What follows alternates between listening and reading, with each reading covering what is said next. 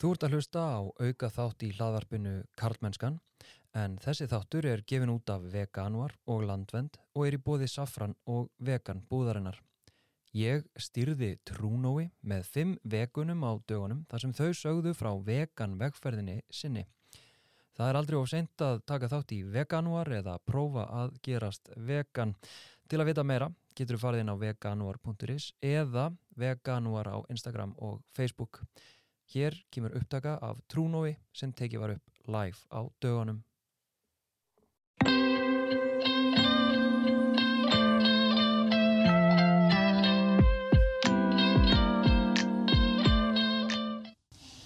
Já, komið sæl og blessuð, velkomin á Trúnó. Eh, ég heiti Þorstein Vaff Einarsson og sé um eh, samfélagsmiðlinn og hlaðvarpið Kallmennskan. Mér var falið þetta ábyrðar hlutverk að leiða hérna samtöl við nokkra vegan einstaklinga og fræðast um þau og, og svona skiknast á baku tjöldin og fara á Trúnó með þeim. Eh, ég sjálfur er vegan. Eh, ég nefndi að man ekki hvað ég er búinn að vera, vera vegan lengi sko, ég held að þessi tvö ár frekar en þrjú en ég byrjaði einmitt að vera vegan uh, í veganuar uh, þannig að í kvöld ætla ég að hitta og spjalla við nokkar einstaklinga ég ætla reyndar að taka strax fram að Arnór Dan, hann átti að vera hérna með okkur í kvöld en forfallaðist en í hans stað uh, höfum við fengið Axel F. Fridriksson og hann er að koma sér fyrir í sófanum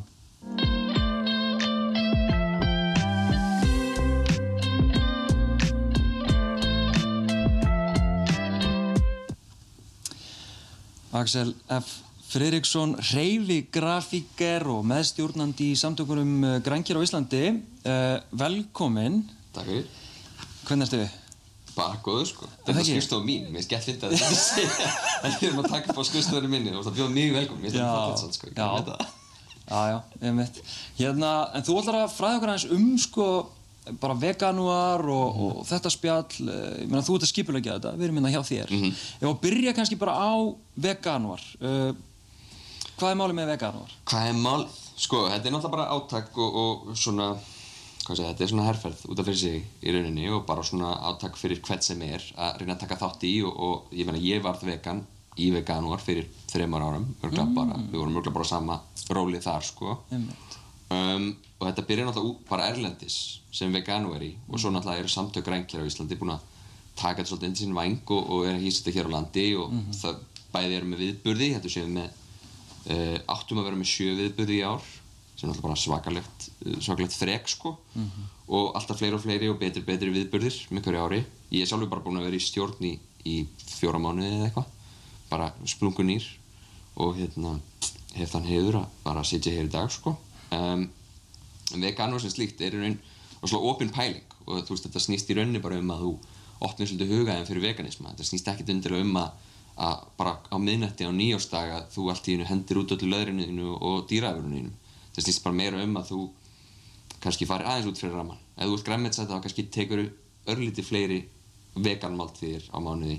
Og ef þú ert aðlæta að þú kannski prófar að, að alltaf á mánudöfum sleppa kjötinu. Veist þetta, er, þetta snýst um bara eitt skrifi einu og bara svolítið að opna hugan það sem er best að við þetta er náttúrulega bara fyrirtæki um allan bæ eru með nýja matsela eða ný tilbóð eða, eða afslætti eða eitthvað sem er nýtt og skemmtilegt sko. Einmitt, þú ferði aðeins inn í sko, þetta, þetta hugtak, þessa, þessa hugmyndafræði sem veganismi er. Uh, úttalar mitt um að ekki henda leðrinu og bara eitthvað svona. uh, sko, hvað er veganismi? Og bara útskýr það eins fyrir mig. Hvað er veganismi? sko, svona in its purest form þú veist bara, ef þú ert 100% vegan það er svona premium member eða eitthvað mér langar að djóka með það sko. Ég býð alltaf eftir því að maður fái næluna eða eitthvað sko. En, en hérna uh, í náttúrulega í, í svona öfgaformi án þess að þetta sé einhver öfgar þá snýst þetta bara um að koma ekki nálægt neyrum dýraafurðum. Og, og það er bara allt. Þetta er náttúrulega bara lífstíl, þetta er ekki, þetta er ekki mataræði. Þetta er ekki eins og að hoppa yfir í keto og prófa hvort það hendi þér þetta snýst um bara algjöran lífstíl og það er ekki þar með sagt að þú þurfa að hoppa út í djúbulögina en á endanum þá er þetta samt lífstíl og það snýst bæði um snirtifurur eða rauðvín eða serjós en líka bara um eru leðursett í bílniðinu eða þú veist allir þessir hlutir þeir, þeir koma svo stert inn og hafa svo mikil áhrif að þetta snýst kannski meira bara um að, að þú hugsir aðeins um þitt nærumhverfi. Að þú bara pælir allar ákvarðan sem þú tekur, tekur þúsund miljónir ákvarðana sem þú tekur á hverjum degi. Að þú hugsir tengist þessi ákvarðan eitthvað dýraafum er eitthvað, eitthvað líf að, að versna af því að ég tók þessa ákvarðan Ok, þannig að þetta er svona þessi meðvitund og, og hérna, maður að segja, svona þessi vilji til að forða dýrum frá þjáningu. eða? Klálega, jú, bara minka þjáningu veist, Já. í rauninni, í, í grunninn þetta er bara meiri friður, minni þjáning sko. En sko, ok, að því að þú sagði það sjálfur á hann, hérna, ekki 100% vegan, þú notar eitthvað svona prósentu og Já. ég á einn vinn sem að það fór endur í töðanar mér miklu meira fyrir nokkrum árum síðan, en hann var alltaf sko, hann, hann borða bara allt, bara hvað sem er, Svona aðlæta alæta og, og hérna, hann er ekkert að spá í það, þú veist, hvort hann sé að nota leður eða ekki, þú veist, en var alltaf svona að segja, já, ég er svona, ég er svona eiginlega 60% vegan, Ég skilði þú veist, er, Ég meina- hvernig horfur það? Sko, ef þú ert aðlæta og þú ert með kannski 60% af diskniðinum sem er græmiti, ég meina við fáum okkur græna bönir á, á jólaréttin okkar það er alltaf prósent af diskniðinum sem er vegan. Og kannski gleymum ofta átt okkur á því að oftar en ekki, þá er bara aðrættuðin kjöt, skilur en allt, allt meðlæti þetta er vegan. Þannig að ég held, ég held að svona ef þú ert með hugsunarháttin á réttum stað þá er alveg til að ég kalla það vegan. Ég á alveg vin sem borðar fisk kannski einu sinni í mánuði en ég er alltaf að hamra á því að hann eigi bara að kalla sig vegan af því að hann er með hu hugun á réttum stað Já. og, og þetta er allt, þetta tekur allt tíma Já. ég meina þú veist, þú hefur valla slögt á þessu einu, einni nóttu, þú veist, hvernig byrjaði þú ekki sem grammets þetta, þú veist hvernig, Sko, já, já, jú, þó ég vilja ekki að þetta sé svona sjálfsviðtal, sko, en, en hérna, en ég mitt, mér langar samt að vita. Það já, sko, jú, ég reyndar, ég, þetta gerist ekki á mér yfir eina nótt, sko, uh, þetta gerist þannig að, jú, ég er að pæla að segja þessa sögu, sko, að, aðeins, aðeins að koma með smá endur á þetta, uh, ég verð vegan í rauninni út af konunum minni, Huldu Tölkjæs, hún verður vegan fyrir, veist, já, einhverjum mörgum árum. Og þetta var eiginlega pínu vandræðilt moment því að hún hérna verð vegan og það er einhver vinkonar sem er svona hæðast að henni. Þú veist, er eitthvað svona að gera grín eitthvað svona, ó, svínum eitthvað, ég man ekki alveg hvað það var. Þetta var eitthvað sem tengdist svínum og vinkonar hennar er eitthvað svona að gera grín að henni og, og ég man ekki nákvæmlega hvernig það var en ég hálfpartinn óvart tek undir grínið. Já, og Hulda sem að hérna bara þjáist með dýrunum sko að hérna þetta sló ekki gegn, þetta grín mitt. Og ég svona, ok, hún er ekkert að grínast með þetta, veist, hún er vegan fyrir dýrin og hún hefur ekki húmor fyrir svona kjaftaði. Og ég svona ætlaði að vera bara með henni og sína svona stuðningi verki og ákvaða að taka út að sko mataræðinu mínu svín, allt sem tengdist svínum þannig byrjaði ég, þannig fer ég inn. Að ég tek bara út allt sem tengist svínum. Og svo, þú veist, byrjar þetta ferðal og svo náttúrulega veit ég alls konar og svo er ég farin að vita svo mikið um allt að sko, ég var farin að vera með samvinskubitt að skilur, ég var farin að, þetta er bara ég bara skammaðist mín. Svona móral. Já. já, og ég, þú veist, svo hérna er ég að taka út í rauninni, ég byrja á fæðinu sko. Og svo verður meðvitundin alltaf meira og meiri. En segðu mig, hvernig byrja þetta eftir þér? sko, mér finnst þetta þessi punktur hér með þú veist, að hæða stað, sko, það er alveg mjög stert og ég held að maður finnir líka mjög mikið fyrir því sem karlmaður veist, það er alltaf skrýtnar að vera karlmaður sem er, sem er vegan Finnur þú fyrir því? ég hef alveg farið í nokkrar bústæðaferð með vinnum mínum það sem var gert grína mér, sko Fyrir að vera vegan? já, En sko. áhugavert og ég tók líka þátt í hérna auðvitað er nafnlust og ég má ekki segja það en það var háskólaransók þessa mýtu, sko, alveg kallmenn borða kjöt. Já, já, og, og hérna og mér fannst það rosalega fróðlegt af því að bara þessi staðalímynda ef að kallkynsvinuðin er að borða vegan við hlinar þá er oft þetta joke sko, hann er í megrun eða, eða hérna, hann fær sér salatið og allt það sko, svona gera mann kvenleiri fyrir vikið sko.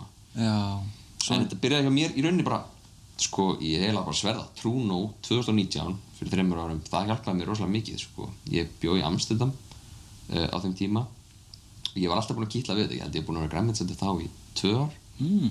og þá var bara svipa, kona mín er með miklu betri siðferðis kompass eins og maður segir. Já. og hérna, ef maður segir það kannski. en hérna uh, og það bara smitaðist yfir á mig sko, og ég hugsaði bara ég, ég á hund og elska dýr og af hverju heldur það ekki áfram, þú veist, af hverju stækkar það ekki? Og, og sama það líka bara, ég hugsaði mjög mikið um hvað ég laði vona mig og laði voni mig, bara hvað er ég að borða? Er, það, er það þú veist, ef það er kjúklingur er það frá góðum bæ og, og er það eins reynd og hægt er? Og á einhverjum tímbundi það hugsa maður af hverju af hverju er ég að borga svona mikið pening og setja svona mikið áherslu á að þetta sé hreitt matur án þess að hugsa um lífið sem fyrir í það? Þú veist, það er svona, það er einhver skrítin lína annað sem maður gleymir ofta að stróka út. Og hérna svo var ég öll bara að horfa trún og þá var það svolítið öðru sem það núna auðvitað en hvort það var ekki bara Arnmundur Ernst Backmann sem bara svona, ég sá eitthvað í gegnum hann og bara vá, ef, að, ef að hann getur það þá get ég það líka mm. og þetta er ekki að nöðrönd maður heldur og síðan þá hef ég ekki ást tilbaka sko. Og þú byrjar sem grannmyndisæta uh, af hverju? Af hverju, þú veist, bara fílaðar ekki að borða kjöta því það er svo mainstream mm. veist, það er einhvern veginn bara alltaf fiskur og svo er kjúklingur og svo er þetta mm. Þú veist, þetta var einhver uh, einmitt, eins og svona saga eins og þér sko, við vorum í Svíþjóð í einhverju einhverjum svona sumaferð og vorum í einhverjum bústað og fólki sem var kringum okkur var bara skilningsríkt og ljúft og ég sagði já, ég er að reyna að klippa niður af kjöti og fisk og, og þau bara ok en viltu ekki bara vera græmið og ég ekki, að þú veist, jú kannski þetta, reyna að borða minna þessu og þetta er kannski minga við og þau bara, jú viltu ekki bara prófa það núna? Þannig að bara næstu vikuna þá bara voru gerðir sér, sér rétti fyrir mig og ég hjálpaði Eldursson og, en þau borðið alveg ennþá eitthvað kjött og svo eftir þessar ferð þá bara, nei, ég okay. mann man, man vant að bara þennan fyrsta neista sko. Ég held að, það er svona mínu upplifun að séu hansi mörg sem að hérna Veist, eru rétt sín, eru þengjandi og hérna, einhvern veginn svona sjá jú, ég ætti nú að vera vegan mm -hmm. veist, eru einhvern veginn þarna, eru ég að byrja feminísk og sósálísk og mm -hmm. ankapitalísk og alls konar uh, en eru ekki vegan en einhvern veginn langar að taka skrefið uh, sko hvernig tekur þú skrefið frá því að vera grænsæta og síðan inn í bara veganisman þú veist, erstu mm það, gerist það yfir nóttu? Ég held að þú þarfst að fá hugdættuna þú veist gjörðin sjálf gerist ekki að veitni nóttu og, og, og allar afleðingar og öll uh, hvað segja öll skrefin eru ekki tekin í einu, einu spóri en ég held að innra með þér þarftu að taka þessa ákverðun mm. Bara í rauninni á einni sekundu sko. veist, hún, hún kemur bara allt í einu veist, ég held að það er svo auðvelt það sem gerir veganuar líka svo góðan er þú hefur afsökurina mm. þú veist, þú er kannski búin að græmitsetta í allan tíma og þú leiðið kannski pæli hérna, gæti orðið vegan nei, ég elska ost svona mikið eða svo svona, að já, það er samt fullt ágeð í osti og, þú veist, það er aldrei þú veist aldrei að bjarga lífi með það bara ost sko. og maður veit þetta allt en það sem gerir vegan og skoðan er að hann gefur þér hann, hann ítið svolítið upp að vegg og segir þú getur þetta, það er fullt öðru fólki gerir þetta en, en þú getur gert þetta á þínum hraða þetta er bara fyrsta, fyrsta skreði í að, í að verða vegan hmm. taka þetta eins lengra Já, já. Þannig að þú fer svona hægt og bítandi inn í þetta árun að þú já. kallar þig 100% vegan, eða, eða hvað? Samt ekki. Þú veist, ég hef alveg eða kallað mig vegan frá allan að segjastu þrjú orðin, sko.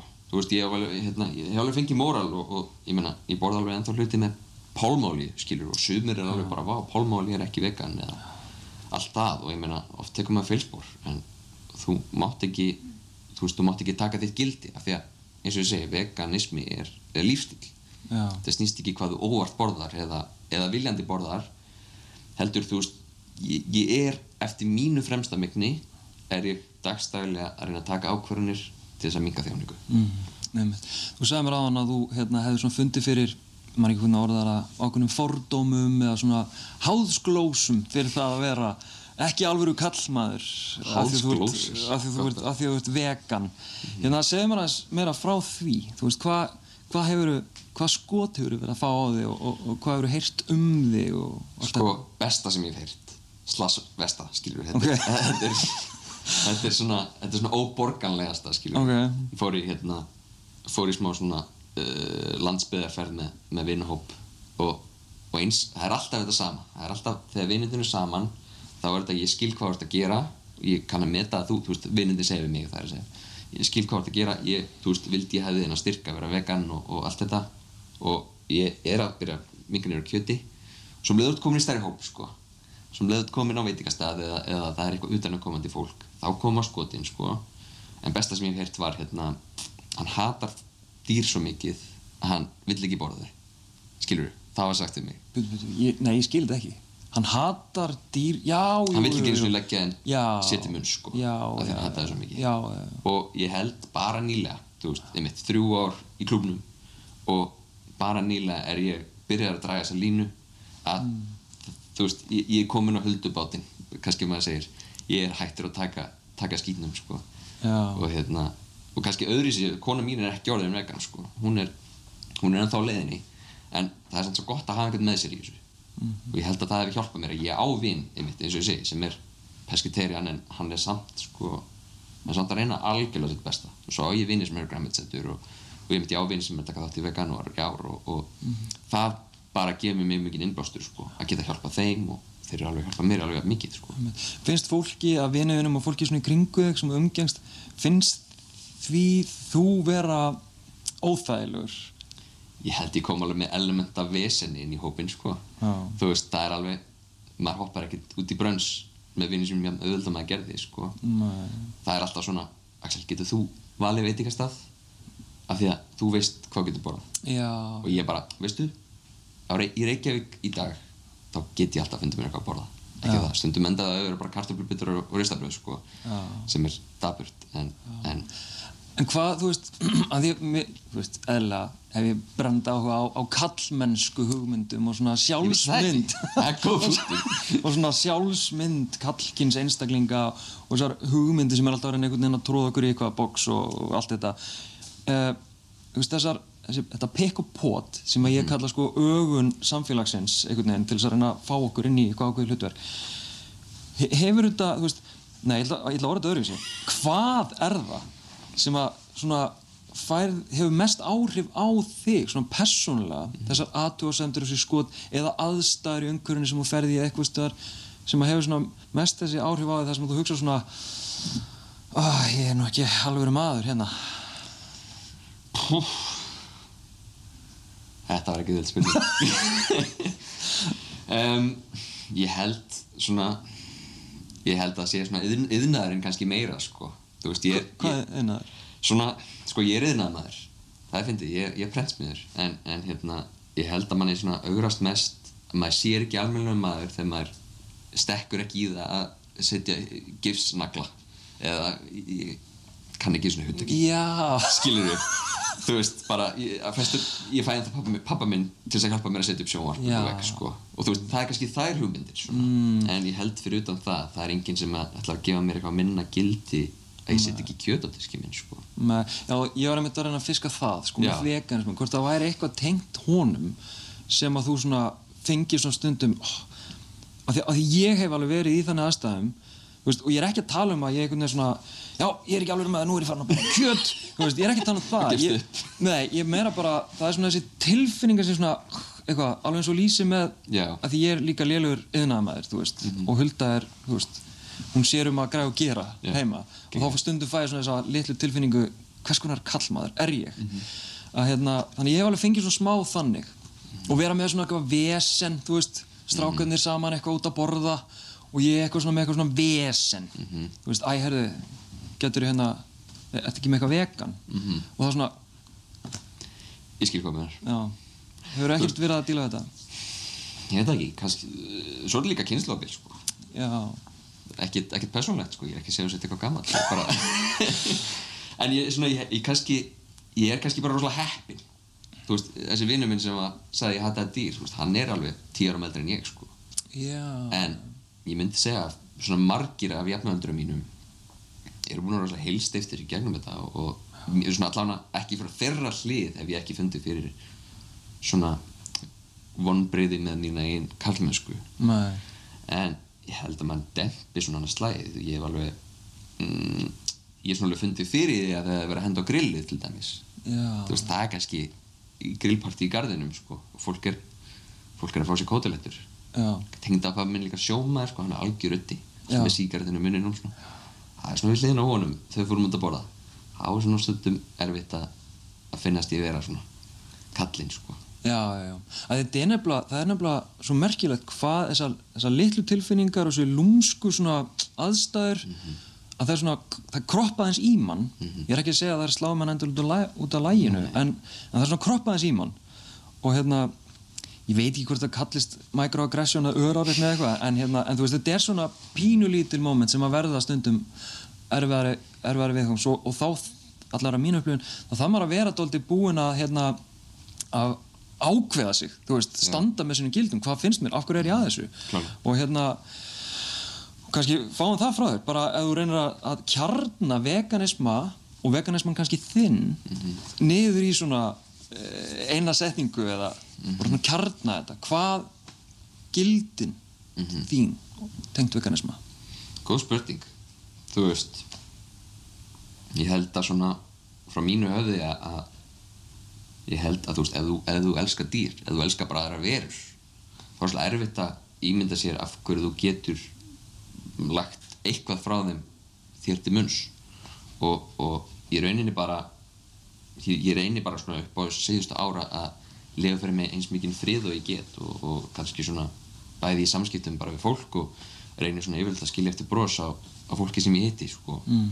og ég held að það ætti að svona óhefnilega orðað blæða út í allt annað sem ég geri en, en að reyna bara að miðla meiri frið miðla meiri kærleik og, og veganismi snýst bara gjörsanlega algjörlega um það að, að reyna að miðla meiri frið og, og hafa gaman þú veist, bara sem hópur og, og ég held að það er mjög algengt líka hjá vegan fólki að eiga hunda sem að mörgum finnst rosa skrítið af því að hundar borða oftar en ekki gjöt sko. en ég held að þetta sé bara mér er amt um dýr og var þetta ekki setning? var þetta ekki undabli setning? Jú, segjum það bara En hérna síðasta spurningin sem að sem að, sem að þú sagði mér að, að- spyrja alla og, og þú fara hana hérna í hausinn.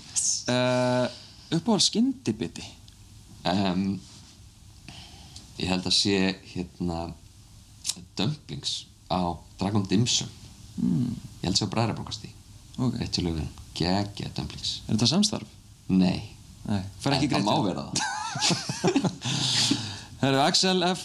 Friðriksson Takk mig. kjærlega fyrir spjallið. Takk fyrir mig innlega, það var slett Eftir skamastund þá fáum við næsta viðmælanda í sófan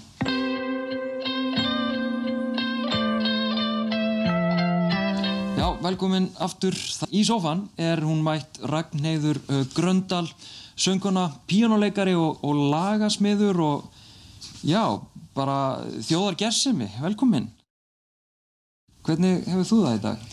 Bara rosalega gott, gaman að vera komin hingað. Já, takk fyrir að koma. Hérna, við ætlum að tala um veganisma. uh, ég reyndar vissi að þú væri vegan, en hefur þú er ekkert verið mjög ábyrrandi, er það að svona promóta veganisma? Nei, ég reyna að gera það svona á dulbúin hátt Já. með því að posta uppskriftum og svona þegar ég er að eitthvað tilraunast í eldur svona svona. Já, já, Ég er svona aðeins, ég finna röddinn er aðeins að koma að ég er farin- að þóra því sko. já, En það er, ég er ennbla sko, ég, það, er, er, er ekkert það langt síðan ég fór alveg yfir í svona eitt og hálft ár rúmlega. ok, sín ég fór að vera alveg svona strikt að ég ætla ekki að snerta dýraafurðir Mm. en svo er náttúrulega langt ferli auðvitað fram að því þú veist eins og er hjá flestum sem að fara á þennan stað sko og hérna, já, þannig að og hvernig, veist, hvernig byrjar þetta? Hvernig, hvernig ferðu svona feikraði inn í veganisman? sko ég er náttúrulega búin að hafa áhuga á þessu bara frá því ég var ung sko bara að ég var alltaf, eða sérst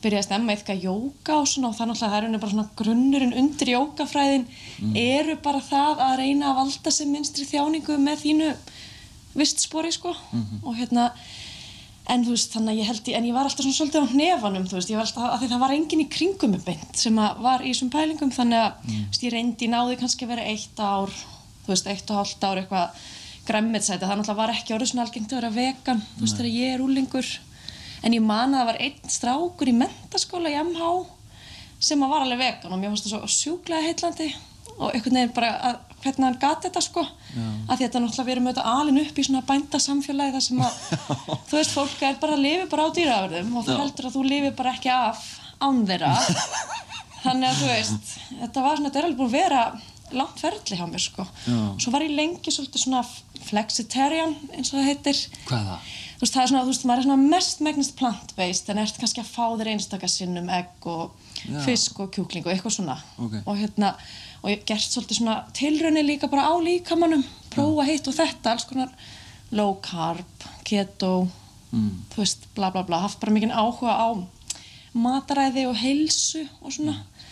Og hérna og leta alveg lengi stoppa mig sko að fara alveg yfir í veganism að, að því einhvern veginn það er svo mikið búið að þú veist, heila þóman um að það bara get ekki, sé ekki hægt. Þetta sé ómöguleg næring og eitthvað svona sko, ég, ég kem svolítið úr því Jaha. En svo enda ég á því, ég hugsaði, heyrðu, veist, það er ekkert, ég mun ekkert tapa á því þótt ég prófið þetta í eitt ár. Þannig ég ákveði, að prófa að vera vegan í eitt ár og sjá hvað gerist. Og ef ég verð bara að koma með eitthvað svaka skort, veist, þá bara byrja ég aftur að borða dýr eða dýraafurðir. Ok, þannig að þú byrjar þannig. Bara, Já, þetta er svolítið svona, Er það veganúar sem að farið til að byrja? uh, nei, þetta var eiginlega svona, ég held að svona, sko, þegar, sérst, hérna, fræið sem að var til þess að ég ákvaða að ég ætla að prófa þetta var þegar ég las hérna formálan í bókinni hjá Gurnusólegi sem er náttúrulega algjör vegan kempa. Bleika bókin hérna vegan krásir mm krásir svo fallegu formálin. Já, ok. og þar er hún að tala um þetta hvernig við erum systematíst búin að höggva á þessa tengingu á samlíðan með dýrunum bara strax og snemma og hérna en við, þú veist, við elskum náttúrulega hund og ketti og þú veist, hei, svona húst, eða hvað, hvað kallar maður það, gæludýr Gælindir, já. já, en sem sagt, svo erum við bara samt að borða lambakjöt og Mm. okkur svona og ég, af því ég er svo mjög forfallin dýravinnur, þá einhvern veginn meika þetta bara ekki sens Nei. fyrir mig að borða dýr Vá. Þannig að þessi formáli bara hitti þig? já, það var eitthvað svona fræ sem að plantaðist bara okkur, já, ég verð bara, ég þarf að prófa þetta Ok. þú veist, og svo 2020 um sumari þá loksins þorði ég að taka skrefið en ég er svona alltaf að minka og minka afurinn þannig ég gerði þetta rauninni mjög hægt Já. það var ekki svona einhver alveg einn vendipunktur eins og sagt er þannig að mér ást þetta svolítið erfið spurning Já, ég skil. Já. En þú talar um að þú væri svona, svona hægt og bítandi að komast út úr skilin að þú sért vegan. Mhm. -hmm. Hérna, uh, þú veist, er þetta, upplifur, upplifur eitthvað svona, segja, andstreymi að þú sért vegan? já, bara mér, finnst þetta orð líka orðið eitthvað svona hvað segir maður, svona svona, það er orðið svo rosalega merkingar þrungið og gildislaðið og svona umdilt Já, ok. þannig að þú veist, ég á svona stundum svolítið erfitt bara með það, með orðið af því að, náttúrulega, já það er mikið af fordómum hjá mörgu fólki. Ég reynir náttúrulega aðalega umkringa með, með fólki sem er sammála mér í þessu. Og svona sem getur þólað þetta en svo kem ég oft inn í ykkur samengi líka bara í vinnunni þar sem að veist, það er bara enginn í þessum pælingum. Ekkert, þú veist og fólk bara byrður þau um að týna kjúklingin úr eða, þú veist, og eitthvað svona.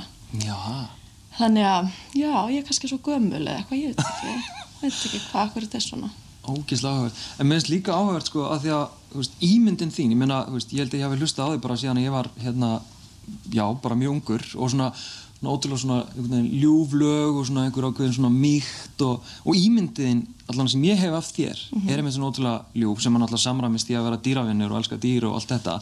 En síðan eins og, þú ert aðeins að lýsa, veganismin er að fara gegn í rauninni meginströmmnum og er einhverju leiti svona ég, já, eiginlega svona eitthvað fætt, þú veist, það er barátta í rauninni. Já, er, lendur aldrei í ykkur svona en ég er að vera næs, ég er vegana því að það er næs en, en samt ertu að lenda kannski í einhverjum ágrinningi og fólk, fólk á móti þér og eitthvað svona Ertu eitthvað að díla við þetta? já, já, ég tengi mjög mikið. En sko, maður getur slögt í fólki ef það fólk er til dæmis að segja æ, þetta eru svo miklar öfgar, akkur eftir, þetta eru svo miklar öfgar, eitthvað svona komment, sko. Þá er mjög öðvöld að slökk við fólki og segja bara, veitu, finnst þér að vera öfgar að ég vil ekki meiða aðra lifandi verur og ég vil ekki, þú veist, nota peningana mína til að styrkja kaup á afurðum úr öðrum lifandi verum, veist, þá ertu svolítið búin að drepa í umræðinni, sko. Já, en stuðar ekki með þessu? Jú, jú, kannski örgulega líka helling, sko. Verður fólk ekki bara brjálað? og hérna, hvað er þetta að segja? E- e- Ef við bara, hvað var að gera með all dýrin? Einmitt, hvað verður um dæmi- samfélag? Þetta eru óþólandi rauk, þetta með hvað að gera við dýrin. Já. Hvernig svarar því til dæmis? Ég reynir bara að segja, þú veist, að þetta er, þetta tekur bara tíma. Já. Þú veist, við erum ekkert að fara að útrýma bara öllum lömpum, þú veist, heldur þú myndir bara hægt, hægt og rólega bara minka stofnin, þú veist, og bara gera þetta einhvern veginn af einhverju já. Þú veist, ég tel að þetta sé vel hægt þú veist, á næstu 20-30 árum eða eitthvað þú veist, ég veit það ekki. Líka því að það tín, týnist oft í umræðinu sko að hérna bara svo einfalda staðrind að þú veist, við erum að fjölda framleiða dýrin til þess að drepa þau til þess að borða þau. Það er ekki eins og þetta sé eitthvað svona náttúrulegt. Þau eru Nei. bara þessi krútlu lömb þau bara, æ, við erum eiginlega að bjarga það með því að drepa þau og borða þau. Skilur galið. staðrind sko, við erum aðeins að halda því til haga. Við erum að fjölda framleiða til þess að fæða. Já. við getum bara sleppt því. Byrjum bara því að sleppa því kannski að fjölda framleiða svona mikið, en þá náttúrulega kemur líka spurningin þú veist, já en hvað með bændurnar? Hvað er þeir að gera? Mm -hmm. Ragnhildur Gröndal, hvað er bændurnar að gera? Já, ég meni, ég hef mjög mikla saman með þeim af því að þú veist, þetta er bara sami svo, ég meina, þú veist, einu sinni voru hérna, um, hvað kallast það hérna, ég segjum bara Nokia símar, veist, einu sinni var það al- alls ráðandi bara á markaði, bara Nokia símar. Svo þegar snjálfsími kemur, þú veist, þá er rauninni bara mingar businessin hjá þeim bara rosalega mikið og þetta er alveg sama í rauninni með bændur þú veist að atvinnuhættir eru að þróast og breytast í takt við nýja tíma og þá held ég þú veist að þá þá kannski þarf fólk bara líka að vera með svona opin huga þú veist, en ég skil þetta alveg ef einhver myndi koma til mín og segja herru, nú máttu ekki syngja meira, nú ertu hægt að vera í tónlist. Við ætlum hægt að framlega tónlist. Og þá þurftu bara hægt að gera það sem þú ert búin að vera að gera halva æfina eða eitthvað. Ég meina, auðvitað skilja fólk triggerist, ég skilja það bara mjög vel. Bara já 100% En þetta er líka svo nátengt, ég meina bara sögun okkar, einhvern veginn svona ákveðinni þjóðar ímynd sko og náttúrulega eh, fyrir hann síðan út í sko ríkistyrkin sem að landbúnaðarinn og dýraframleyslan hefur Mhm. þannig að þetta er, þetta er risa mál en einmitt, með tíð og tíma þá kannski verðum við aðeins meira vegan. Hefur þú trú á því samt að eins og bara Íslands samfélag Mhm. að við getum hægt að drepa dýr til að borða þau? Hefur þú trú á því? Ég veit ekki, kannski eftir 100-200 árið eitthvað. Mm. ég, ég, ég held þetta sé á stóra planinu ég, veit- ég veit það ekki alveg. Nei. það er erfitt að svara því að maður líka maður skoða sjálfans því þá já, annað fólk bara að þá erum við með svo mikla svona bindingar við mat þú veist, við erum bara þetta er svo tilfinningalegt bara hvað við erum að borða og, og hvað okkur finnst gott og eitthvað svona. Þannig að, veist, ég veit það ekki alveg. En eins og já, En það er, er bara mjög erfitt að svara þessu já, þetta er líka meira svona bara einhverjum pælingar sko. já, já, En hérna, en ég meina, inn í svona, ég voru að segja, lista heiminum, tónlistarsenunni kannski, mm Mhm. af því ég allavega upplýði það oft svona vera framsækið og dálítið rétt sínt og, Mhm. og jafnvel oft svona augrandi, uh, svona reyfri við samfélaginu, listin reyfri við samfélaginu. Uh, er mikið af vegan fólki þar eða, Um, ég bara veit það ekki alveg reynlega. Jú, alveg pottþétt einhverjir sko. Kannski meira yngra fólk líka. já, já, já. Mm, En þú er ekki rekið á það svona að, hérna, að það sé auðveldara því að þú ert tónlistarkona og í einhvern veginn þessari senu að, að þú kannski fittar það bara jafnvel inn í formið að því að ég er að, ég er að búa til einhverja staðalímyndin það sko að, Já. tónlistarfólki sem er gefið rétt sínt og vegan Já. Er það ekki þannig? Að, nei, ekki, ekki svona eins og ég hef upplifað það endilega en, en hérna tónlistamenn og listamenn alltaf upp til hópa eru voðalega viðkvamar og miklu svona blóma sálir sko. Þannig að það já, þannig þú allan lendir ekkert endilega á okkur svaka veggjum. Þú veist, fólk er alveg opið og jákvæmt gagvart en ég held að mörgum vaks þetta mikið í augum sko að að fara alveg yfir í veganisma sko. lendur ekkert um hann í því? Eða þú veist, það kannski hefur ekki lendið að því að þú hefur svona verið svona, svona hæglátt með veganisman en hefur einhvern veginn lendið í aðstæðum þar sem að hérna uh, já, þar sem þú ert upp við vegg og þarft einhvern veginn svona að svara fyrir veganismaðinn Já, já, ég var alveg lent í því.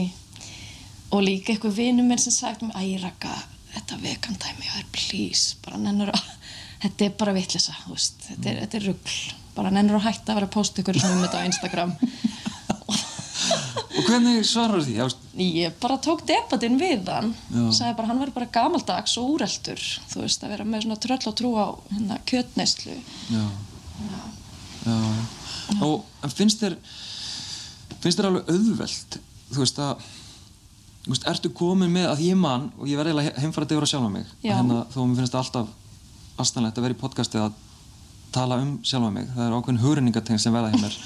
En hérna sko ég man að ég er einhvern veginn komið með mitt, hugssjónuna og skilningin og svo lendi ég á einhverju svona já en hvað með eitthvað? Eitthvað svona einhver punktur. Já. og þannig að ég var alltaf ógæslega feimin. Ég, ég einhvern veginn forðaði mig bara alltaf undan umræðinni Já. að ég var ekki með öll svörin ég bara vissi ekki hvernig ég átti að svara þessu. Einmitt. en hérna upplifur alveg að þú sért bara þú veist, þú situr bara vel í þér og þú bara með öll þessi svör og bara komið með þetta og ég skal útskýra fyrir þér af hverju þú ættir að vera vegan. Nei, það fer svona eftir viðmælandanum sko. Sumir eru mjög svona liggja vel við höggja maður getur bara haldið langa fyrirlestra um þetta og svona, þú veist komið fólki á þessa skoðun.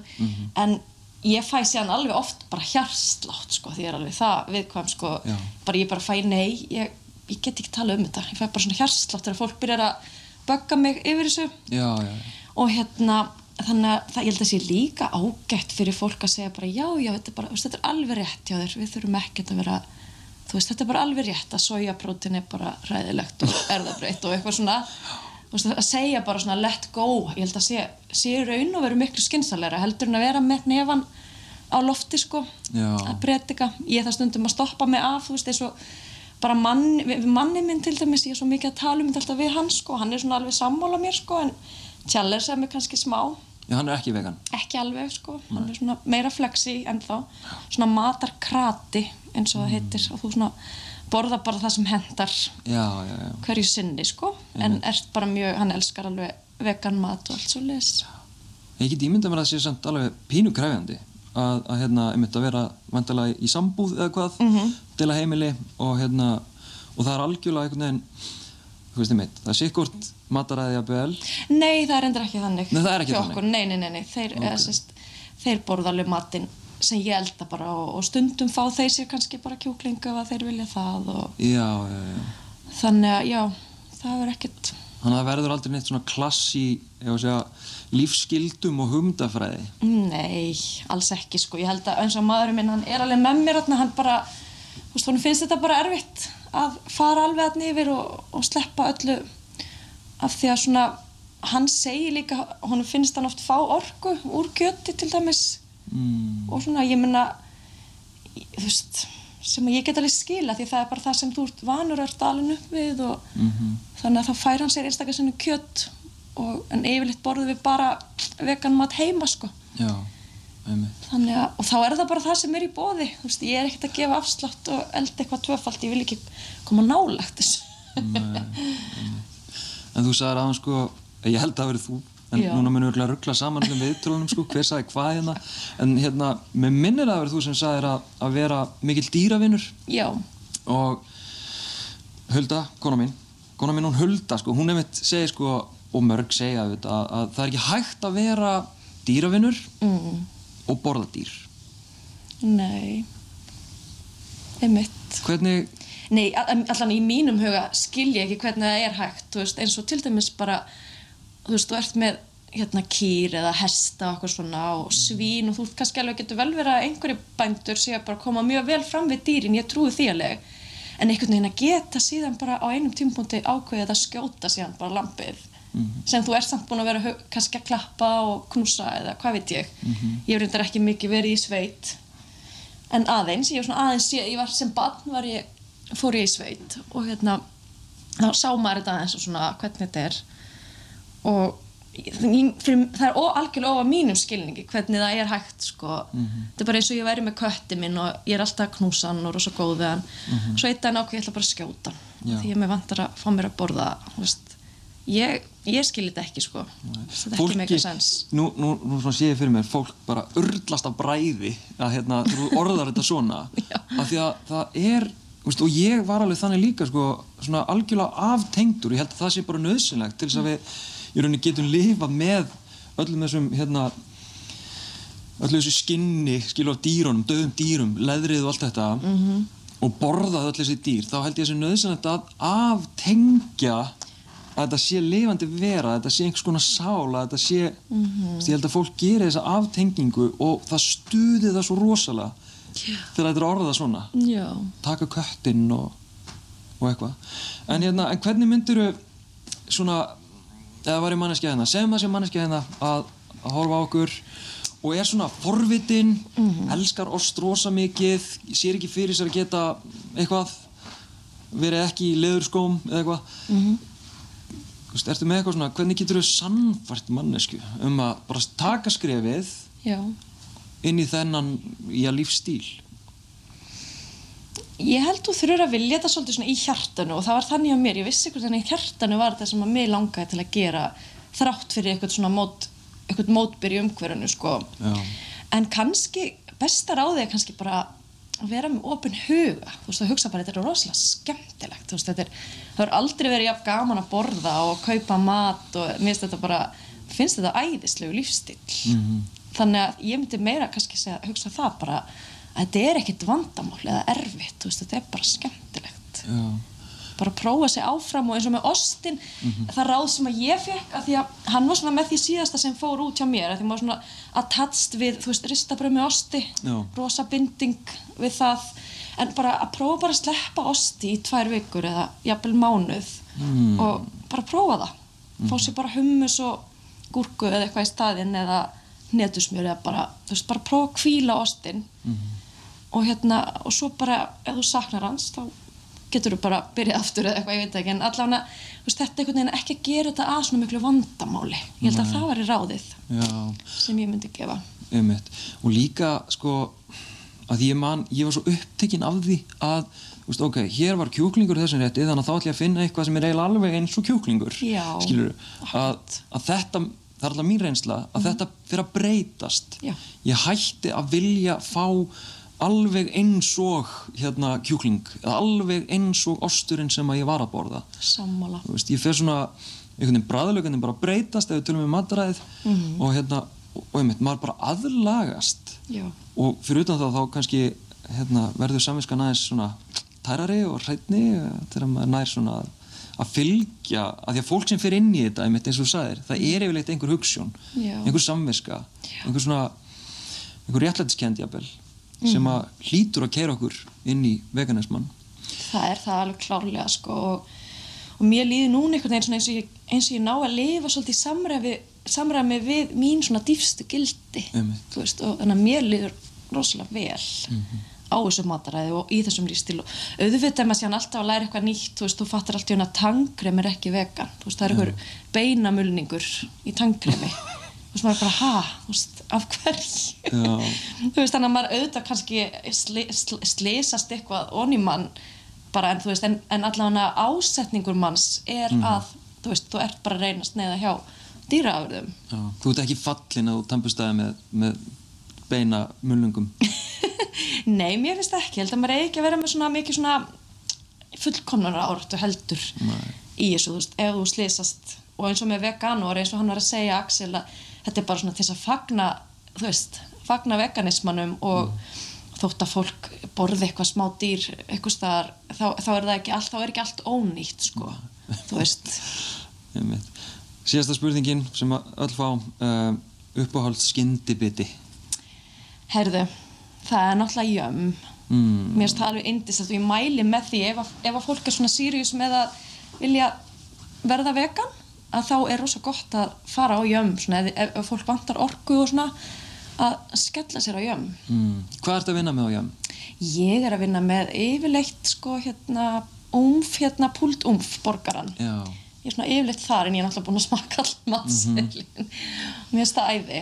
Einmitt. Þú mæli með jömm, ég mæli líka bara með vegan búðinni yfir höfuð. Nákvæmlega, hérna, segðu svona aðeins að plugga hérna vegan búðin inn sko Já, Nei, samt án, án gríns að hérna, það er svo ógeðslega margt þar og það er náttúrulega allt vegan þar Nákvæmlega, þú ert ekkert að hugsa, Nei. bara ferðan inn og fyllir inn kókorfuna. Já, nákvæmlega Ragnar Gröndal, takk hjá fyrir spjallið Takk fyrir mig. Takk. Eftir skamastund þá fáum við næsta viðmælanda.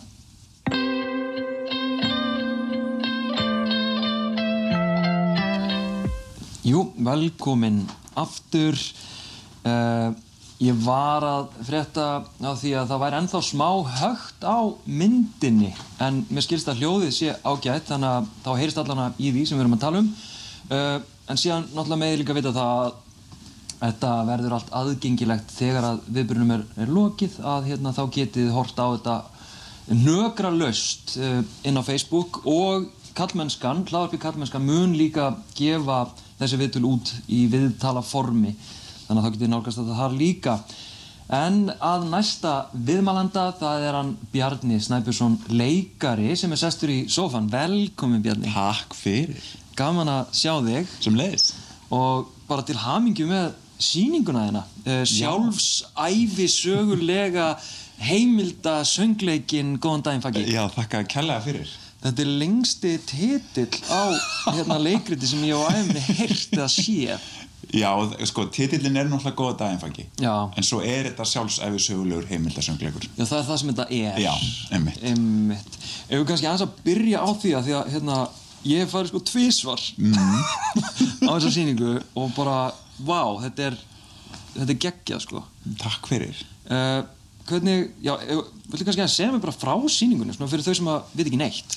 Já, þetta er í bara mjög stuttum máli byggt á dagbókum mínum frá, sem ég hef haldið og brefaskriftum frá því ég var bara bann við pennavinni og móðu mína og svona.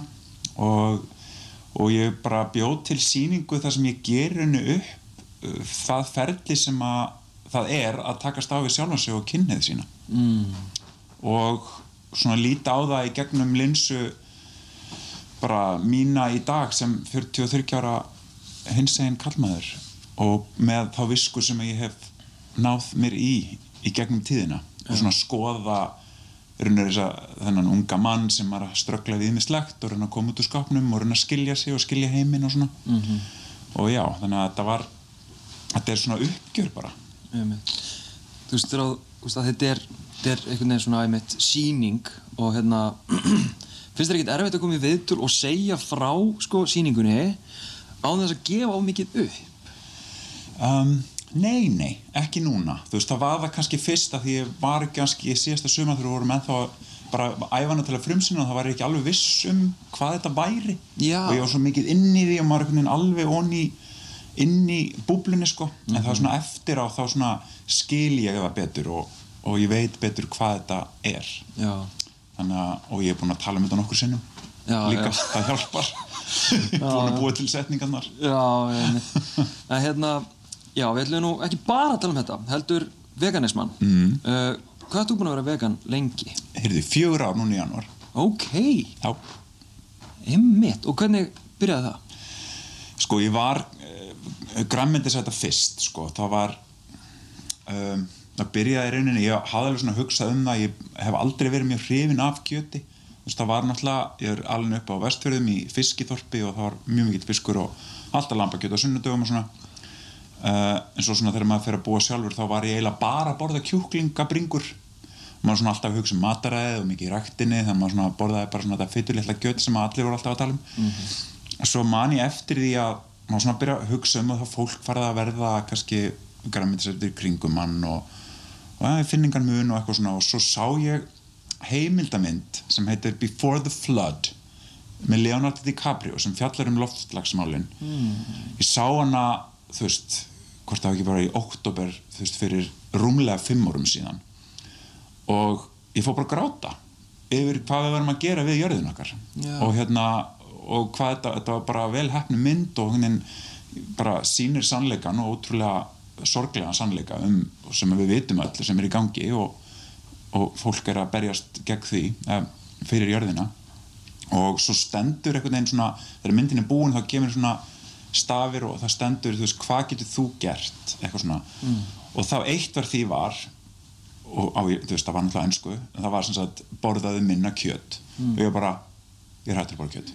Já, bara á nóunu og viku síðar þá kom hið stórskemmtilega brúnækjamál upp. Mm. mannst eftir hérna varpænunum sem voru svo frjálsar og hamingjusamar shit sko. Hérna en þetta var bara þetta var svo hræðilegt og ég var bara með gráðþæðan í kverkunum að horfa á þessar greiðhænur sem ég var búinn að kaupa öll eggin frá Já, þetta átt að vera, þetta átt að vera svona, einmitt, hamingisum að hænur. Já, 100% og svona brún egg og bara, ó, þetta lítur að vera svo oft svona náttúrulegt, hugsaði ég. Og var alltaf bara rosa mikið að hugsa um bara, ó, hamingi sem að hænundar þeir vilja verpa fyrir mig og eitthvað en svo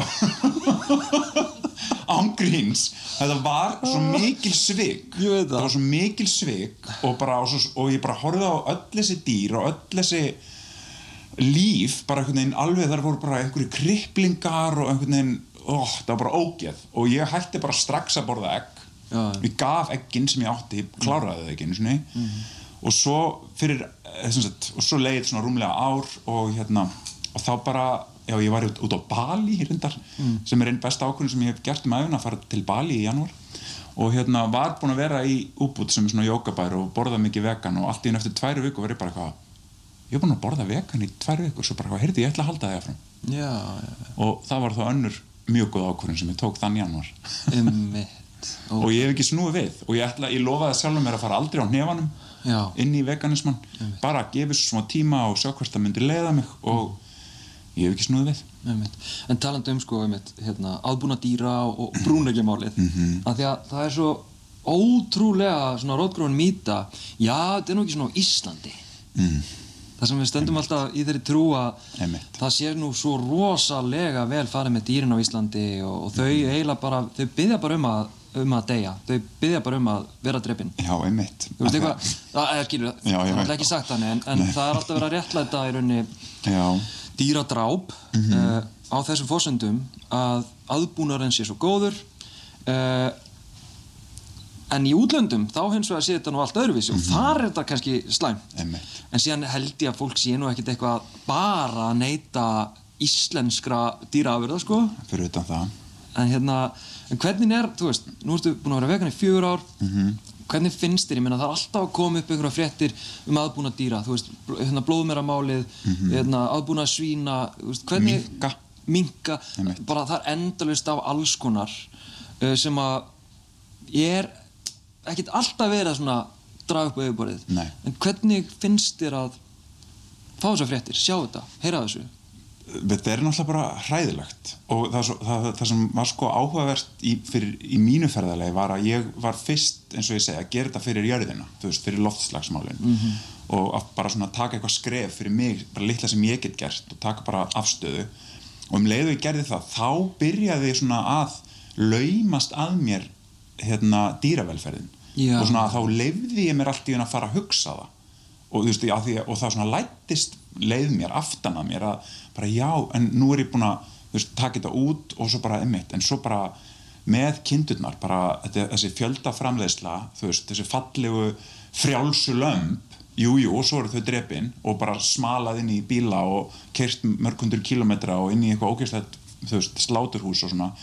En sko kindurnar sjálfar bara ár eftir ár eru látnir un, unga út þú veist, lamba út bara endalust af lömbum sem er svo er bara hrifsa frá þeim og þetta er bara hvað þótt þetta sé í fjallasal og fallegt og það er borða ling og eru gladar þú veist, þá er þetta samt fjöldaframleysla og hérna og mér, þú veist, og bara allar svona fréttir um minka og þetta bara, þetta fer og, og það að leifa sér að hafa samkendina er erfitt af því að maður verður líka tryggaraður og maður bara verður svo fyllist svo mikilli reyði fyrir hönd uh, þeirra sem að hafa ekki rödd já, já, sem eru greið dýrin sem að einhvern veginn er bara algjörir leiksoppar og, og við einhvern veginn erum að nýta þau okkur til ég veit ekki velþóknunar og indisauka og bara fyrir af því að við okkur finnst það gott þú veist, það er engin afsökun til þess að fara illa með dýra að drepa sko En að því þú segir að svona megin ástæðina, svona dræfið þitt inn í veganisman er umhverfismálin. Mhm. uh, þú veist, hvað er það? Þú veist, hvað var það svona, veist, þetta, þetta, þetta er svo, hérna, veist, maður er að breyta um lífstíl, þú veist, maður er að breyta svona, svona því sem að maður er vanur. Mhm. og, þú veist, hvað er það sem að snerti svona rosalega djúft tengt hérna umhverfismálunum? uh, til dæmis bara vassnótkun hérna það er uh, og bara úrgangurinn frá öllum dýrunum. Þú veist, hva, hérna landið sem er notað til þess að rækta korn og gras sem fer svo í dýrin í staðan fyrir að rækta bara fyrir okkur beint. Já, já, uh, þú veist, miklu hagkvæmara í rauninni. Um, og bara fluttningar á þessu öllu og þú veist, fram og tilbaka og þú veist, ég bara, ég sé það hvað við gætum gert hérna á Íslandi til dæmis að þú veist að tala á þennum bændurna, þú veist að og hvað með þá bara að fjölga í græmmetisrækt, þú veist, við eigum svo óendanlega mikið af hérna resursum hérna, þú veist, fyrir góða orku og ódýri orku sem er mjög umhverfisvæn, þú veist, að bara að að búa til meira grammiti og meiri fjölbreytni og, og hérna, ég veit ekki, soja, ég veit, þú veist, það eru sér- sérfræðingar hann úti sem eru örugglega betri í því en ég, en að finna bara leiðir til þess að ég geri þetta bara beint úr plöntu og bara eh, til okkar, einmitt, þú veist, það fyrir að fara í gegnum dýrið og svo til okkar. einmitt en sko áður hún tekur þessa ákvörðun ég ætla að vera vegan fyrir umhverfið, þetta gengur ekki allt þetta land, allt þessi mengun, allt þetta. Þú veist, ertu þá búin að við aður upplýsingum eða ferðu fyrsta stað á þessari tilfinningu? Eða ertu, þú veist, ég er að spá hvar er dræfið, er það tilfinningin? Þetta er ræðilegt, eða er það röglega þetta gengur ekki upp? Já, fyrst var bara einhver tilfinning. já, af því að bara þetta var mjög tilfinningaleg tenging sem ég átti við þetta. Já. og við ákvörunina og, og svo einhvern veginn bara raðast upp raðast rökin upp Já. fyrir mér og líka uh, raðast upp rökin á baku mig sem að ég hef bara einhvern veginn alltaf bara tekið sem sjálfsögðan hlut og aldrei pælt í áður þú veist bara að við erum eins og þið voru að tala um áðan maður er að, þú veist, ég fór þú veist, það voru fullt af sveitabæðum en það rétt hjá það sem ég, þaðan sem ég er og á tálknafyrði og þú veist og það maður bara, ég átti einhvern átti einhvern hrút, þú veist, í einhverjum þú veist, á Plataf og ömmu, þú veist, á felli sem var utar í fyrðinum og á bara æðislu hrútur og þú veist, svo bara fullt af lömpum og var alltaf að klappa þeim og, og þú veist, og maður einhvern veginn bara er hluta af þessu og maður borð, borðaði maður bara þau og maður pældi aldrei í því. Þannig að þú veist, að, að leifa sér bara að vera með samkend, þú veist, ég held að í alvörunni að það geti breytt ekki bara þessu heldur svo mjög, mjög, mjög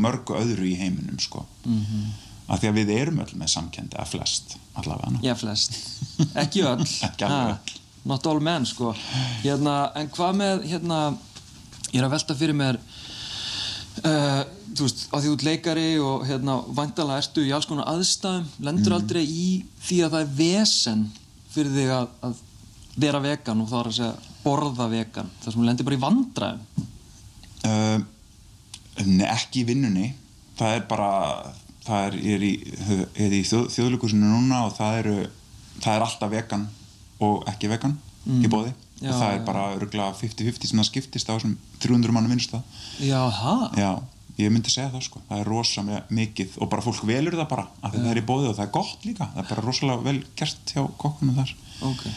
um, Nei, veistu, ég er bara mér finnst eiginlega mesta vesenið ef þessi alveg segir, er að ferðast innlands á Íslandi að bara finna staði sem að bjóða upp á gott uh, og bara holdt hérna, mat, hollan mat á bara matselum þú veist, það eru kannski þessi stóru bæir eins og Akureyri og já, og, og Egilstaðir ef ég mann rétt allavega að fengja gott þar en svo bara einhvern veginn allt á milli þessar vegasjópur. Þú veist, maður er, verður alveg þreyttur á hérna vegahamborgarunum þú veist, þótt að sé vegan. Dag eftir dag eftir dag sko. Það væri nú gott að hafa eitthvað annað í búið en það sko. Sko talandi aðeins við þetta, getum við aðeins farið inn í hérna, sko, hvað er málið með að alltaf ef það er á svona fancy veitingastöðum eða það er verið að gera, já, svo erum við með hérna vegan útgáfu og þá er það alltaf eitthvað svona það er eitthvað svona ótrúlega skrítið Já. eins og með hérna súkulaði ég reynda að það er ekki alveg jafn mikið þannig núna en, en hérna það var alltaf að tróða einhverjum berjum í það einhverjum, rauðum berjum með já. bara af hverju Einmitt, af hverju Er þetta, er þetta persónuleg preference hjá þér að Ég- ég vilt ekki ber í súkulega? Nei, og ég er bara, ég bara, ég er bara brjálaður að tala um þetta.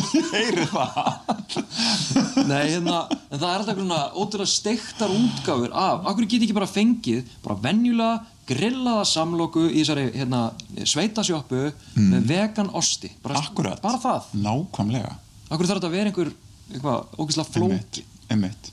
Ég lendi í einum vandræðum eins og ég fór í einhverja, einhverja sjoppu á Akureyri, það var einhvern veginn allt lokað, ég var bara eitthvað degur hungri og það var bara eitthvað svona algjör bulla, ég man ekki hvað hún heitir. Og hérna fer inn og það er bara eitthvað, þú veist, borgari, pilsa, samloka og eitthvað og það var bara, mér langaði ekki franskar, þannig ég bara eitthvað, áttu eitthvað salat, það var bara eitthvað, þannig ég fekk í bakka bara salat og tómatsniðar með engu veist, og ég var bara eitthvað ah, þannig að veist, þetta var svona vestavesinni þannig að ég lærði þarna að vera bara svolítið skipulagur og þegar ég og kæristu minn förum í veist, ferðalag kannski um landi þá er ég bara með nesti. Og ég bara Já. geri bauna, baunapottriti og, og er bara tilbúin með eitthvað á kantinum og prímusinn bara og Já.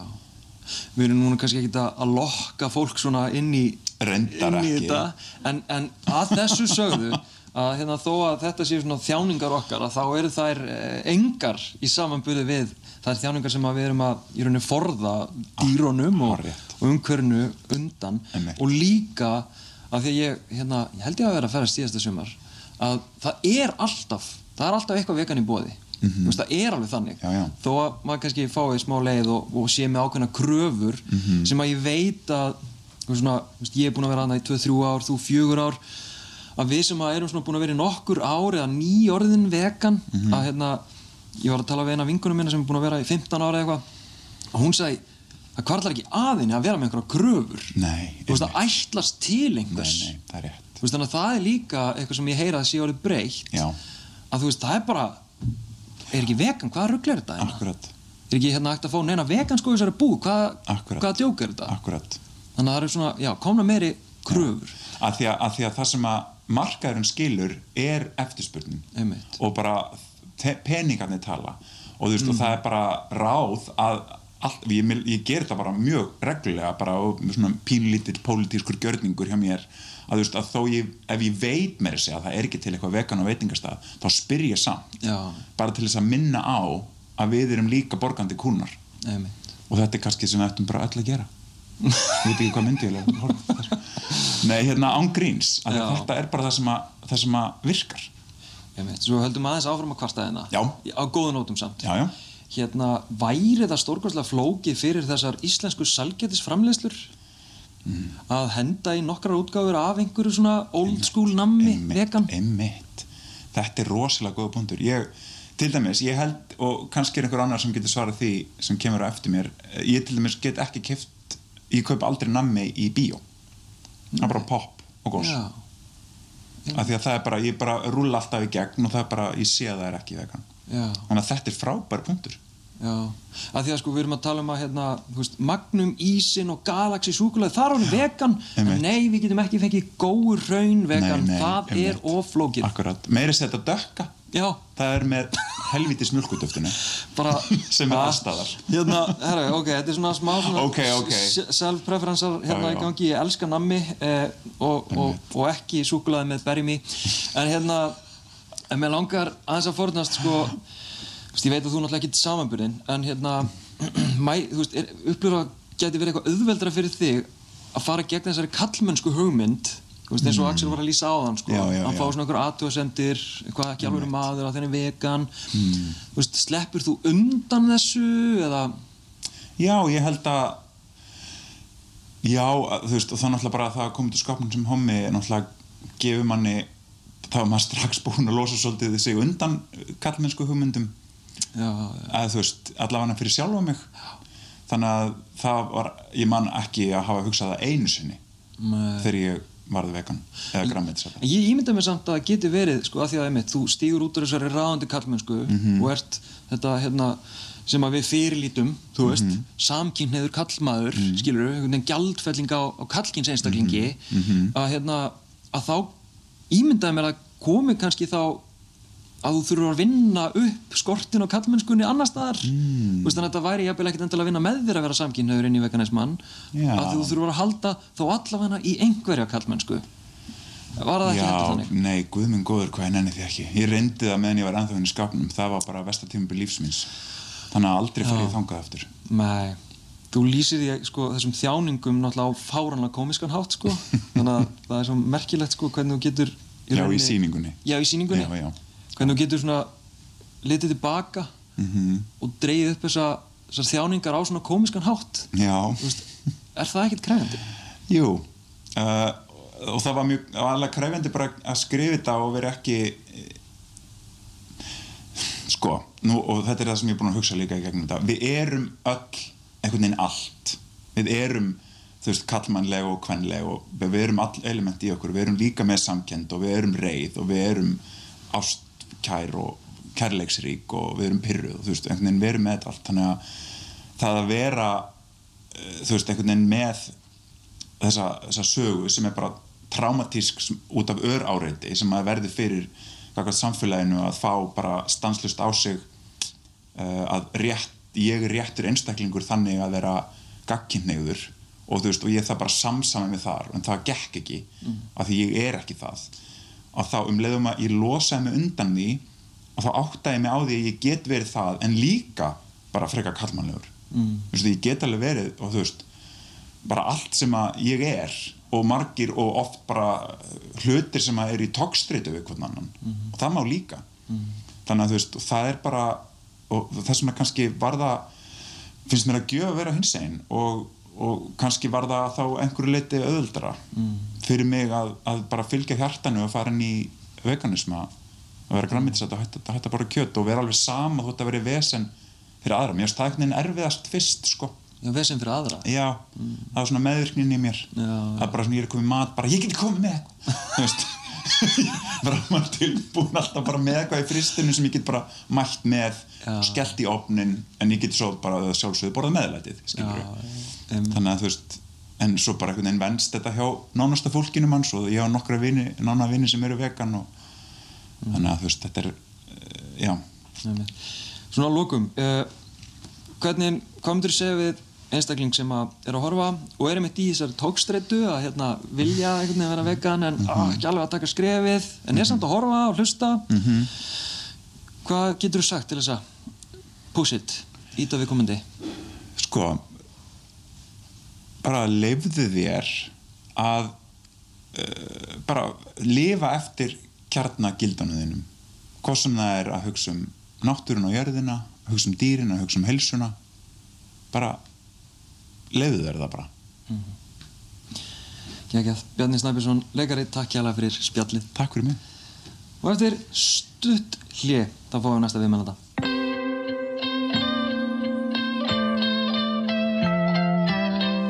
Velkomin aftur. Anna Hulda Ólafsdóttir doktor í verkfræði eh, sem hefur sér, sérhæft sig í kvikum kerfis líkunum en mætti í sofan, velkomin Takk fyrir. Við höfum kannski að byrja á þessum kviku kerfis líkunum hérna, þetta var uh, rannsóknar efnið, hvað doktorsrannsókniðin fjallaði um þetta eða hvað? Já, í rauninni í, eftir að ég útskrifast sem doktor þá hef ég rannsakað mikið með þessar aðferðafræði þannig að ég hef unni í stórum verkefnum um, ég reyndar er hætt í slíkri rannsóknarvinni í augnablikinu, búin að færa yfir til viðstofunar Ok. en var dósent hjá háskólanum eftir sem sagt að ég útskrifaðist og svona síðasta rannsóknarverkefni sem ég var í þá var eh, hérna var ég með að skoða lofslagsmál svolítið þar sem við verum að verkefni fjallaði um sagt, low carbon society og hvig kerfislíkun er bara ein aðferð af hermi líkunum ég voni sér ekki búin að missa það. Ég finn bara strax á Ég veit alveg hvað þú ert að tala um sko. En þetta ég... er þannig bara rosa stór mótel og hérna ég var í raunin að horfa á sérstaklega auðlindir heimsins út frá því að við förum í þessi orkuskipti meðal annars og, og hérna og bara horfa á þessar sviðsmyndir sem er nú eitthvað orð sem að fólk nú fara að þekkja mikið. Einmitt. Og hérna, veist, á þetta einhvern þátt í því að þú sért vegan eða er þetta algjörlega ótengt? Sko, já og nei. Um, þessi aðferðafræði heillaði mig að því að um, þetta er svo herma aðferð sem gerir þig kleift að taka inn miklu fleiri breytur heldur en aðrar herma aðferðir. Þú getur tekið inn social breytur líka, eða svona samfélagslega breytur. Og það opnar sko að þú getur list viðfánsefni sem eru svo rosalega fjölbreytt. Og ég hef mikinn áhuga á umhverfismálum og þau, veist, það er til dæmis viðfánsefni sem er kjörið að skoða svona. Uh, og bara þessi stóru kerfislægu vandamál sem við erum að standa fram með fyrir og ég held að sé þá fyrst og fremst út frá þá lofslagsþættinum og, og umhverfismálum sem að þessi líkun og þessi hildrana sín sem að þau gefa manni í rauninni. Mm sem að í rauninni hérna já, kannski stiðum í því að bara þessari sínminni að, að hérna að vilja að bara lifa aðeins betur gera aðeins betur Þannig að það má segja að, að þessi ákvörðin þín og þessi gildi, þessi lífstefna, veganismin sko hjá þér, hann sé svona þokkalega vel röglega undirbyggður. Já, það má segja það. Ég myndi samt sko, það byrjaði kannski ekkert endilega þarna, ég var ekkert sérfræðingur í kvikum kerfislíkunum þegar, þegar þessi fyrstu fræ hérna voru sáð í, í svona minni vekkferð ef ég, ef ég hugsa alveg tilbaka sko. Okay. En ég hef alltaf verið mikill umhverfisinni og er alveg upp við það að ég, ég, ég man bara þegar ég var lítil þegar hérna það voru sko fimm ruslafötur heima því að mamma flokkaði allt skilur og undan einhvern veginn öllum og þú veist, rosa mikið af hérna grænmeti alltaf á bóðstólnum og svona jákvæðinni ákveði fyrir grænmetisfæði þó að það væri bara alætur heima sko. En það var samt þessi, þessi jákvæðni sem var til staðar og hérna bara þessi umhverfisvitund Já, ummitt. En síðan erstu líka hérna á fullu í íþróttum. Þú ert sko búin að keppa hérna, hvað, heimsleikunum í crossfit eða? Og olimpískum liftingum, 36 Íslandsmet. Uh, erstu vegan eh, að vinna þessi afreg eða? Já, svona vegan flest af þeim og sko kannski einhver grannmetisæta um, það má segja ef ég fer bara yfir hvenar ég byrja að vera grannmetisæta ég tekið mm íþróttaferilinn þannig líka inn sko. Um, en þetta er svolítið kannski eins og hjá mörgum viðmælundum á undan, þetta er svolítið svona jójó ferðalag og ég held að sé ekkert endilega besta leiðin að ætla að taka þetta allt í einu. Veist, uh, alveg fyrsta ef ég segi fyrsta snjókotnið sem fjall í veganismanni hjá mér er bara kannski þegar ég er svona fjóra, fimm ára þegar ég upplifi bara þessa hérna sko skrýtnu tilfinningu akkur eru við að hérna borða beljur, en ég elska beljur ég elska alltaf beljur, ég, ég er með húðflúraðar beljur á mig, mm. ég man bara stert eftir þessari tilfinningu, veist, við áttum hund en akkur veist, komum svona vel fram við hann en svo er allir að borða beljunar svo náttúrulega bara heldur maður áfram að lifur og særist veist, fjóra, fimm, sex ára og hérna þú veist, borða bara það sem er í bóði en ég fann samt að þessi, þessi samkend, hún var til staðar svo bælir samfélagi þetta svolítið niður. Þú veist, þú ert bara samfélagsþegn og tekur þátt í því sem er að gerast og svoleiðis. Og kemst ekkert í gegnum lífið öðruvísi heldur en einhvern veginn að vera þáttakandi Eh, en ég myndi segja að þetta sé svona fyrsta snjókotnið og ég sé þetta fyrir mér þannig að þetta sé svona nokkur snjókotn sem verða síðan á einhverjum bolta sem fer fram og tilbaka og svo kemst hann í einhverja bjargbrún þar sem að rennu niður og þá er ekki eftir snúið. Mm, hvað var til þess hjá þér? já, hvað var til þess? ég held, ég ætla að fara bara gegnum snjókotnasöguna ok, ok, sorry, sorry, ég ætla ekki að skemma þetta. sko. já, ég held að næsta snjókotn hjá mig nefnilega sé þegar að ég byrja með manninu mínum það er, við erum búin að vera saman síðan 2002 og hann er einmitt e, rosa steltur og, og sterkur og mikill íþróttamæður og svona einstaklingur sem að þú myndir ekki þú veist, ekki halda að væri vegan og hann var vissulega ekki vegan þegar ég kynntist, borðaði alveg mikið kjöt en var ofsalega jákvæður gagvart grannmetisfæði hann var búin að lesa sér til um mataræði og mikinn áhuga á mataræði og heilsu og íþróttum. Þannig að við áttum það svona samveilagt og rættum þetta mjög mikið. Og það sem að hérna, að því ég var svo óbásla móttækilega fyrir því að, að, hérna, að ræða um veganism eða sko græmmetisfæði kannski bara við einhvern sem er kannski svolítið svona þessi típa sem að einmitt þú heldur að sé bara algjörlega í- á, á hinni hliðinni sko. Og hann skulle hafa verið svona sammála mér og tilbúin að gera alls konar tilraunir á fæðinni sinni sem við gerðum í, í hérna okkar fyrstu ár. Að það var líka eitthvað svona sem að fjekka hans að vaksa og dafna. Og svo gerist það 2010 að mamma greins með krabbamenn og lokasti og hún deyr bara mánuði síðar. Þá höldum við áfram svona að skoða þetta út frá heilsufarslegum uh, hérna, heilsufarslega þættinum. Og við verðum bara á hérna, skömmum tíma rófút vegan, þá borðar við bara hrátt grammeti Já, Þú veist, 2010 og voru reyndar líka á sama tíma að eignast fyrsta barna okkar. Þannig að þetta var alveg allt og stórt skref. Ok. og hérna endast ekkert lengi þó mér liði rosalega vel líkamlega. Og var þetta bara, þú veist, ómikið breytingum á sama tíma. En ég einhvern veginn tók, fór aldrei alveg tilbaka aftur, þú veist, ég minkaði kjötneslu rosalega mikið eh, eftir þetta. Og þannig er ég farin að byrja um leið og eiginlega hérna, já, svona ári eftir ár, stelpuna mína þá byrja ég fljótlega að, að keppa mikið, ég var andar hérna, mikið í íþróttum á undan, ég var í fimmlegum og þarna byrja ég að keppa í crossfit og liftingum. Og er þá í svona jójó sambandi með mataræði þar að segja grænmetisæta, pesketerian eða bara, en alltaf lítið kjöt eftir hann 2010 mm. um, og já, keppa mikið hann 2015 þá er ég þá er ég komin að þann stað að ég hérna borða ekki kjöt sem lítur út eins og steik eða ég þarf að skera. En ef ég gat, ef það voru litlir bitar í einhverjum indverskum rétt eða hakk, þá einhvern veginn réttlæti fyrir sjálfur mér að því ég er búin að aftengja einhvern veginn að það væri dýrið Já. þú veist, ég hugsaði bara, þú veist, ég skil ekki hvernig maður var svona lengi einhvern veginn að, að bara, já, sko viðkynna fyrir sjálfum mér bara, bara, akkur, akkur finnst mér þetta einhvern veginn vera meira í lægi -hmm. þannig að það, ég veit ekki, það var örgulega árið eitthvað sem ég var einhvern veginn í þessu en þú veist, þetta var náttúrulega bara lít, flestar máltíðnar voru kannski græmitismáltíðir en já, mér fannst hitt vera í lægi sko Já, já. og hérna svo eins og smá saman þá fer þetta meira út og 2016 þá er ég mikið að keppa. Þá, þá horfum við á hérna Káspirisi og við bara, þú veist, ákveðum bara saman. Í mann eftir myndina bara horfum á hvort annað bara, æ, vá, við erum bara hætt þessu. Ég ætla bara aldrei aftur.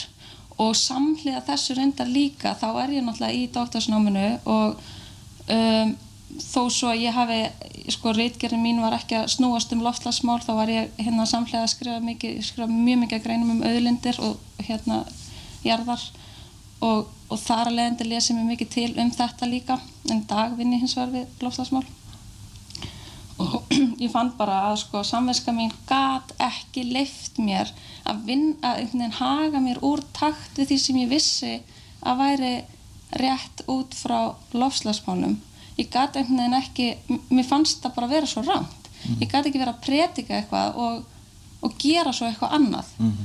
Og þegar að ég einhvern veginn var búin að taka þessa ákvörðun þá opnast bara svona flóðgáttir og ég tek inn alla þessa þú veist, þess að leifi mér þessari sangkend sem ég er búin að vera að bæla niðri frá því að ég var, þú veist, fimm ára eða eitthvað og alltaf búin að vera, hún er alltaf svona aðeins að krabla meira upp á yfirborðið þá bara, ok nú er ég bara að fara að horfa á þetta. Ég er að fara að leifa mér að taka þetta inn. Það, þú veist, það er ekki neitt til sem heitir þess að fólk tala um humane slaughter þú veist, þú, það er ekkert hægt. Þú getur ekkert bara gert það. Og já, og það er þannig að þegar ég var komin á bjargbrúnuna og rúlaði niður. Og ég mun aldrei snúa við. Það er, og ég hérna bara ótrúlega þakklátt fyrir að hafa tekið þetta skref. Þannig að þetta var 2016 sem þetta var sem þú ferð alveg inn í, í veganisman einmitt. og svo áhvert að því að þú kemur henni ótrúlega stert að veganismanum út frá svona tveimur hérna, áttum eða þú veist, þú ert einhvern veginn út frá umhverfsmálunum og hérna og ég meina, ert að í rauninni læra um það þú veist, rosalega djúft og svo ertu í íþróttunum. Og, og þetta er líka svona eins og ég upplifði allan ákveðnir eh, eh, hvað var maður að segja eitthvað sem að fólk er svona eitthvað rökræða. Þú veist, hvort að það sé hægt að vera afriks íþróttamanneskja og vegan og hvort að það sé betra fyrir umhverfið að vera vegan. Uh, ég get ekki skilið þig betur en svo að þú sért að álugta að það sé betra og það sé hérna, hægt að vera afriks íþróttamanneski og vegan. En lendur aldrei og þurftur aldrei að glíma við það einhvern veginn svona að finna út úr því hvernig þú gætir mm segja, viðhaldi svona afriksforminu sem vegan æta, vegan mannskja var það aldrei neinn áskonum fyrir þig? Nei, mér fannst ekkert mál að vera að, að borða holt sko, að, veist, ok, ekkert mál að borða holt ég meina það er bara ekkert mál eins og það er ekkert mál, þú veist, aðlæta mm. sko, það er alltaf vesen ef þú ætlar að, hérna, í rauninni að skipulegja og fá öll næringarnefnin það er örlítið meira vesen ef þú ert vegan af því þú ert að taka út einhverja fæðiflokka og sérstaklega þá sem eru prótiríkir mm. en bara með af því að við vorum búin að, og ég var búin að stúdira mikið mataræði og veit svona nokkuð veginn það sem maður þarf að fá þá sko, jú, kannski var þetta erfitt til að byrja með, maður gleymir því bara Já, veist, en, en hérna í dag er þetta allavega ekkert mál. Og ég held sko, ef ég hugsa kannski, jú það var eitthvað svona transition tími sem að manni fannst kannski um, einhverjir fæð e- eitthvað eins og tofu og tempi og seitan eitthvað svona, nú er að nefna sér prótin vegangjafa sem ég held sér nöðsilegt að bæta inn ef þú ert vegan, sérstaklega íþróttamaður sem ég fannst bara ekkert gott en núna finnst mér það rosalega gott og Já. ég get, mér langar ekki neitt að líkist til dæmis meira kjöti eins og þú, þú myndist á áðan sko, að hérna að maturinn er eitthvað líkjast einhverju öðru. Fyrst var maður kannski svolítið í því Já, en, en svona þegar það líður á að því að mitt bræðlugandi breytast og fólk verður að hafa það í huga að þeir gera það bara í alvörunni. Það tekur bara smá tíma og svo allt innu langar þið ekki í þetta bræð sem þú varst að, að sko kreifa áður sko. Finnur eins og í mínu tilviki þú veist að hérna að ég var mjög lengi að taka út sko alveg, ég held að það bara verið mjölkur afurðir eða eitthvað svona. Þannig að þú veist um leið og það fer alveg út Já. Að þá allt í hennu fer ég að geta borða dögt súkkulaði sem dæmi þú veist sem er þá ekki með mjölk í sko. Og hérna þannig ég finna algjörlega á mínu eigin skinni hvernig bræðlaugarnir breytast. Og, og meiris að það sem að ég hataði var tofu þú veist ég bara, Já. mér finnst það ógeðslegt sko. Já. að meiris er ég fann að fíla það alveg smá. Ég segi ekki elski tofu sko en, hérna, en ég er alveg fann að fíla það smá. Já. þannig að hérna, en sko að mér langar aðeins að staldra lengur við hérna, svona íþrótta hérna, næringuna uh, að sko hvað myndir þú segja til dæmis við bara fólk sem er mikið að lifta eða er í íþróttunum? Uh, veist, er eitthvað svona tips sem þú getur gefið fólki veist, sem að vill skipta yfir? Uh, já, Já, sko bara almennt hvort sem átt íþróttumæður eða ekki þá held ég að það sé klárlega farsalast að gera þetta ekki allt í einu. Ekki eins og ég gerði þetta þarna 2010 og var food vegan bara á einnu nóttu. Já, þú veist, byrja mitt bara að taka út þú veist eins og þú gerir, taka út svínakjöt eða eitthvað, að taka út einhver, einhverja svona dýraafurðir og reyna að bæta öðrum við og hafa það hugfast einmitt að uh, sumar sumt sem að hérna er þessi, sérstaklega þessi vegan prótingjafar þú mun, sko, það er alveg alveg ljóst að þegar þú ert búin að taka allar dýraafurðnar út, það er eitthvað sem gerist þá Já. með bræðlugana og vera bara svolítið þólimaður en já, ég myndi klárlega að reyna bara að gera þetta í skrefum. Ég held að það sé farsalast hvort sem hún sett íþróttamæður eða ekki. En fyrir íþróttamenn þá þurfa þeir náttúrulega kannski að huga um að aðeins meira að því að þú sérst að fá þá sérstaklega þá prótenið sko. En þetta er samt svo fjari lægið í að vera eins mikið og mörg fyrirtæki vilja gefa út fyrir að sé rétt sko ég er ekki talsmaður þess og það þurfir svona gríðalega mikið af prótinu sem margir vilja meina sko Nei, er, ég hef einmitt heyrt að þetta sé einhvers konar smávegis mýta Mhm. að ef þú ætlar að byggja vöðva og halda þér í formi Mhm. að þá þurfur ég man ekki hvers, hvað var talað um hérna, mikið af prótini Já. er það, hérna, er það bara þvæla eða? sko, það, það var alls konar tölu verið nefndar ég hef aldrei farið eftir einhverju svona þú veist, svona mörg grömm af prótin og svona mörg af þess og svona mörg af hinnu þú veist, þú, ég- þú veist, það hendar kannski sumum og fínt gætlan fyrir marga að gera svo leiðis en Já. hérna ég er allavega það er það sem ég held að þú þurfir ekki næstu því að mikið og allavega mörg sko, fyrirtæki vilja segja. Maður verður líka að passa sig að það hvað hann tekur upplýsingarnar og hérna Eru markaðsöflun að ljúga okkur eftir að segja það? Það? kemur fyrir. Mm, ok, ok, en hérna aftur inn í umhverfismálin. Hérna að því að nú heyri ég svona í umræðinni að að það sé nú ekkit betra fyrir umhverfið og, og gegn hérna loftlas uh, hamfara hlínun og svo frammeðis að vera vegan. Og það sé, þú veist engin rauk með því og eitthvað svona. Getur þú aðeins talað inn í það? Hvers vegna er betra að vera vegan fyrir umhverfið ef við brennum fyrir umhverfinu? Það er náttúrulega ótrúlega mikið af losun sem kemur frá dýra yðnaði þú veist það er hérna þessar tölur eru náttúrulega hérna, svolítið erfitt að reikna allar. En það er talað um að sé meira sem kemur frá losun frá hérna dýra yðnaðinum heldur en sko samgöngu yðnaðinum margir sem vilja meina það það sé alveg hátt upp í 18% eða eitthvað. Þú ætla nú ekki fara hérna að láta kvóta tölur svo ég er ekki búin að fletta þeim öllum upp núna. Nei. En hérna það er náttúrulega einn stór partur og svo er nú það sem Bjarni myndist á áðan að landnótkunin og það vassnótkunin og bara hvert gram sem að þú borðar af kjöti þú veist, þú ímyndaður hvað dýri þurft að borða mikið. Þú veist, það er bara og hvaða pláss það þarf til þess að, að hérna, að ala öll þessi dýr. En hérna já, þannig að þetta er þetta er svo ótrúlega hérna, langt frá því að vera eitthvað svona það sem við getum talað um sustainable fyrir, eh, fyrir okkur frá mörgum sjónarhóttum sko. Við munum ekkert geta haldið svona áfram veist, það er eitthvað sem þarf að breytast þannig að það er alveg ljóst, það mun gerast já. Af hverju getur þetta ekki gengið svona áfram?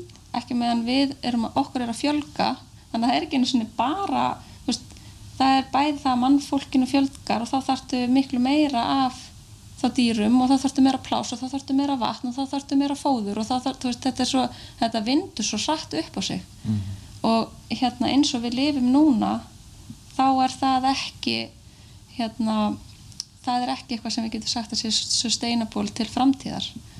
En það er náttúrulega alls konar hérna, nýjungar sem að hérna, vonandi munu fá fleiri inn einhvern veginn sem maður bindur voni við. Ég meina maður þýr ekkert annan en að vera bjart sín sko. það er svo mikið af vandamálu sem við stöndum fram hérna. mikið af áskorunum mikið segja áskorunum, áskoranir já, hérna.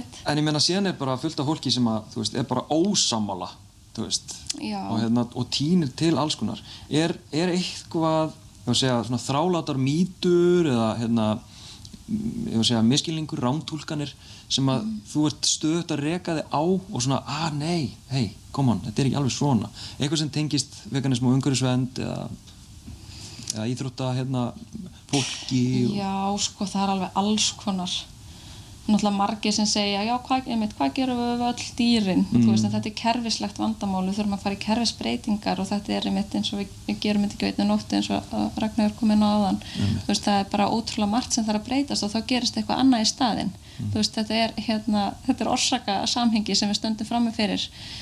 Um, það er það og hérna, jú, talandi um mýtur, það er hérna líka kannski margir sem eru bara svona svolítið neikvæðir gagvart þessu og hérna eru bara ekki tilbúinir að svolítið að opna á þetta og eru svona með fyrirfram einhverja fordóma uh, gagvart veganisma og hérna eru bara tilbúin að segja allt á móti. Mér finnst fólk sem talar móti svo gagvart umhverfisliðin er yfirleitt bara ekki búin að kynna sér það. Mm, um, já, sko, það meiri segja fullt af fólki sem er að vinna í umhverfismálum veit, þú veist að þetta er ekki alveg málið en vill einmitt bara ekki alveg skoða þetta meira heldur, heldur halla sér að einhverju öðru að því það bara nennir ekki að taka þetta skref.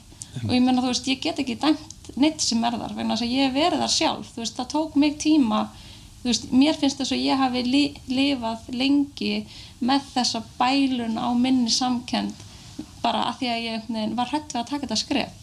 Veist, þetta er mjög skiljanlegt. Þetta er alveg, þetta er svolítið svona eins og að koma út úr skápnum með eitthvað. Veist, Já, þetta er alveg, hérna, já, nú ætla ég bara að segja heiminum að ég ætla að breyta svona en hvað er með mistekst, hvað ef að ég geti þetta ekki? Þú veist, þá bara mistekst maður og þá bara reynir maður aftur eða, þú veist, gera það sem hendar. Það er, ég held til dæmis að hérna, fólk er að festa sér svolítið í því að hugsa, já hérna uh, það, það er svo margt sem þarf að gera maður að það er að vegan en ég get, þú veist, þetta bara vex mér augum eins og þessi ómikið drasli í herbyggunni ég get ekki tekið til, sko. Einmitt. þetta er bara að taka skrefið og það er í rauninni engin alveg vegan. Við lifum ekki heimi sem býður upp á það að við séum 100% vegan. Ég meina þú veist, við förum í hérna bólusetningar eða þú veist, þurfum allt í hún að þykja einhverja læknisaðstóð eða eitthvað sem að er með eitthvað sem er ekki vegan. Ég meina, eitthvað hérna í kringum okkur er pottet ekki vegan. Einmitt. þú veist, en við verðum bara að reyna að, að hérna gera besta sem við getum. Kannski er það besta sem ég get eitthvað annað heldur en það besta sem þú getur því þú veist kannski einhver annari aðstöð heldur en ég. En svo áhvert að þessi puritanismi sko, hann er oft notað sko gegn Já. Vegan algjörlega náttúrulega steiktast sem ég heyrti sko, já, en ég meina salat hefur nú líka tilfinningar Já, svona, svona svona. algjörskjæftæði sko. en við þurfum að fara hérna, að setja punktinn við þetta en mér langar að fá frá þér bara svona eina setningu fyrir fólk sem er á brúninni sem er hérna uh, Mhm. þú veist, alveg að fara þetta niður mögulega sko, ef, ef þið bara hafið það bak við eirað ef það er hægt að lifa jafn heilbriður eða heilbriðari á veganfæði þar sem þú ert ekki að valda neinum þessa þjáningu og sársöka þú ert að draga úr þjáningu og sársöka í heiminum án þess að það kosti hilsu þína nokkuð jafnvel að gefin eitthvað í flestum tilfellum. Mm. akkur ekki að taka skrefið og taka þá bara eitt skref í einu? Sjá hvað gerist. Loka spurningin hver er upp á skyndibitiðin? Ó, vá. Uh, Já, ég hef að það var undirbúin fyrir þetta sko. Það er svo mikið að skyndifekta sem að hérna, ég er hrifin að ég náttúrulega elska allir jömm Já, Ég var hrifin líka hérna Dragon Dimsum. En já, annars, annars er ég meira bara svona fyrir hérna bara, ég, sko skyndibiti, ég er bara að fara inn í veganbúðun og kippa einhverju svona fljótlegu sko, mm. ég er stela best bara að fá mig tofu í- út í súpu sko. Já, þú ert bara þar. Ég er bara þar sko Anna Hölda Álastóttir, takk hjá fyrir spjallið Takk fyrir Eftir stöðlið þá ætlar hún Sæjun Ingibjörg Marinósdóttir að koma og hérna, já, dúndra í okkur smá Smá róttakni.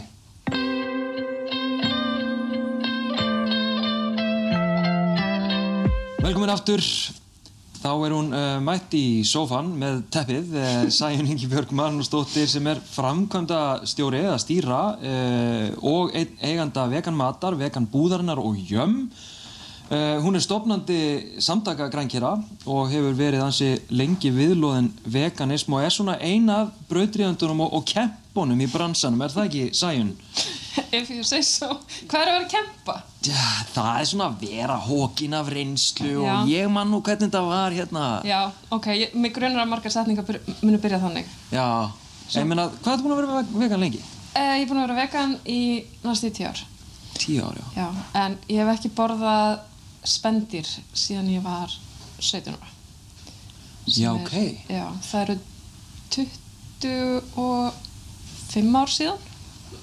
Veitu, en þú ert ekki vegan en borðar ekki spendir, þú veit, hvaða prinsip var það? Já, sko, nú þarf ég að fara í svona æfisagna hérna skráningu eins og Anna Hilda. Já, er með það? Það byrjaði nú allt þarna 1990. Þá var ég 11 ára og ég man alltaf eftir það var eitthvað svona augnablík þar sem ég fattaði að ég vissi alltaf að kjöt hefði áður verið dýr en það var svona augnablík þar sem ég virkilega fattaði það. Og bara um leið og ég tengdi það og sá bara fyrir mér, ég hugsaði rosalega myndrænt að gera reyndar en sá bara fyrir mér eitthvað svona lamp hlaupandi út á túnni og svo sá ég bara fyrir mér, þú veist, það gerist eitthvað óljóst sem að ég kannski var ekki alveg búin að fatta hvað var. En allt í hennu var þessi einstaklingur orðin að einhverju flikki á disknum sem að ég átt að borða og ég fattaði bara strax þetta gengur ekki, þetta bara does not compute. Og ég bara afþakkaði þetta því snarasta. Og einhvern veginn komst ég að því að grammitsæta væri eitthvað sem að væri hægt að vera sem var ekkert rosalega algengt þannig 1990 og bara sagði þá, ég ætla að vera grammitsæta og reyndar fekk það ekki í gegn á þenn tíma. En eftir að ég flytta heimann 16 ára þá gerðist ég mjög fljótlega græmitsreita en þá, þú veist, það var ekkert Google, það var ekkert samfélag, það var ekkert að frétta. Þú veist, ég vissi ekkert hvað ég var að gera. Þannig að það fyrsta sem ég gerði var bara ég hætti að borða öll dýrin sem ég þekkti. Þú veist, ég hætti að borða kýr og ég hætti að borða svín og ég fattaði ekki að kjúklingur væri hæna, þú veist, ég var ekkert droslega vel gefin á þessum tíma, skilur Það er droslega vel gefið. ég, ég er svona leit blúmer þú veist, ég, ég bókstæðlega tengdi ekki, ég kjúklingur var þetta líka einstaklingur, Já, þannig ég held að borða fugla og Já, fiska. já. en hérna, svo smám saman eftir því sem að grænkjara lífstílinn fór að verða meira ábyrrandi í fjölmjölum og í efni og þú veist, þetta var náttúrulega bara analóg tími. Þú veist, ég fór að bókasafnið og fann einhverja bækur og, og þú veist, það komið dagblöðinu lúun og kannski var eitthvað þar, þú veist, einu svona ári sem fjallaði um grænkjarafæði þannig að þetta var rosalega langt ferli. Og á einhverjum tímapunkti tímapunkti frétti ég að vegan væri sagt konsept og það þýtti að borða engar dýrafriðir og ég hef með mér ok vera meiri græmitsetta, ég til í það. Þannig að ég gerðist vegan. Vissi samt ekki deila af hverju eða hvað það þýtti að þú veist, af hverju vildi ekki borða egg. Þú veist, ég bara, að þetta kemur á dýrum. Þú veist, þau lifa alveg ennþá góðu lífi. Þú veist, brúna ekki hænurnar eru ennþá rosa hamingisamar en ég get alveg verið meiri græmitsetta með því að borða ekki afritnið þeirra. Og þannig að það var ekkert það var ekki svona hugsun tenging í því. Og svo endanum let ég hræða mig í að ég væri með ómyggaskort og eitthvað svona vitlis Já. já, þetta var þú veist 2005-06 þannig að ég fór aftur og þá gerðist ég pesketerian fór borða fisk til þess að ég myndi nú ekki deyja úr ómyggaskorti og þú veist, svo fór ég að borða mjólkuvörur af því að annars fekk ég ekki kalk og þetta var bara með vissin Já, já, já. en hérna síðan var það semst, 2012 þá aukvitað að ég var svolítið bara svona að missa heilsuna fyrir aldrei fram. Þú veist, mér leið bara illa og það var veginn bara þú veist, ég var bara rosa miserable. Og þú veist, var ofta á hérna, verkefliðum að því að ég var að drefst í bakinu og eitthvað svona rosa skrítið fyrir unga konu. Þannig að ég fór að kynna mér þá er interneti komið. Veist, þá var komið Google og þá voru komna rafbækur eitthvað, þannig að ég fór að lesa og sko, þú veist hvernig ég get bætt heilsu mína og fann einhverja bók frá konu sem heitir Kimberly Snyder. Hún var að tala um China Study hún var að tala fyrir grænkjærafæði þannig að ég fór að lesa China Study og það bara, þegar ég las hana og sá bara að það var einhver rosalega klár doktor í bandaríkjunum sem var bara búin að rannsaka ristórum part af kínversku þjóðinni og var með ógislega góð rauk fyrir því að það væri ekki bara hægt að vera vegan og heilbrið, heldur líka bara miklu meir á er þeir heilbrið að vera vegan mm. að, að þá gerðist ég vegan og hef bara ekki hikað síðan ég man alltaf eftir, ég var með hérna, mjölkusúkulaði sem var þá upp á allt súkulaði mitt mm. og ég var hálnum með það og ég hendi restinni. Þetta var svo skýrt moment. Já, þannig að hérna síðan í kjálfarið að þá fór ég á Facebook og fa- fann eitthvað svona vegan grúpur eitthvað svona ok, hvernig, þú veist, mér vantar eitthvað praktísk ráð, hvernig ég á að gera það, veist, hver, hvernig á ég þá að borða á eitthvað? Og þá voru einhverju brjálæðingar þar að posta svona, þú veist um, ef þú gerist ekki vegan þá hérna gerist þetta hitt og, og hérna hér getur þú séð hvernig aðstæður hæna eru sem að eru látnar verpa og, og þetta var svona rosa öfgavegan áráður mm. mér leiði rosalega illa með þetta. Og svo sem mér byrja það er rosalega skrítið því ég gerði skræmitsæta vegna þess að ég mér fannst rámt að borða dýr. Þannig að af hverju kemur það svona illa við mig að frétta að eggjaneysla hafi sömu áhrif? Og horfði þá Earthlings frá uppá til enda satt bara svona og horfði, ég blikkaði á alla og eftir það þá bara þú veist, ég bara breyttist.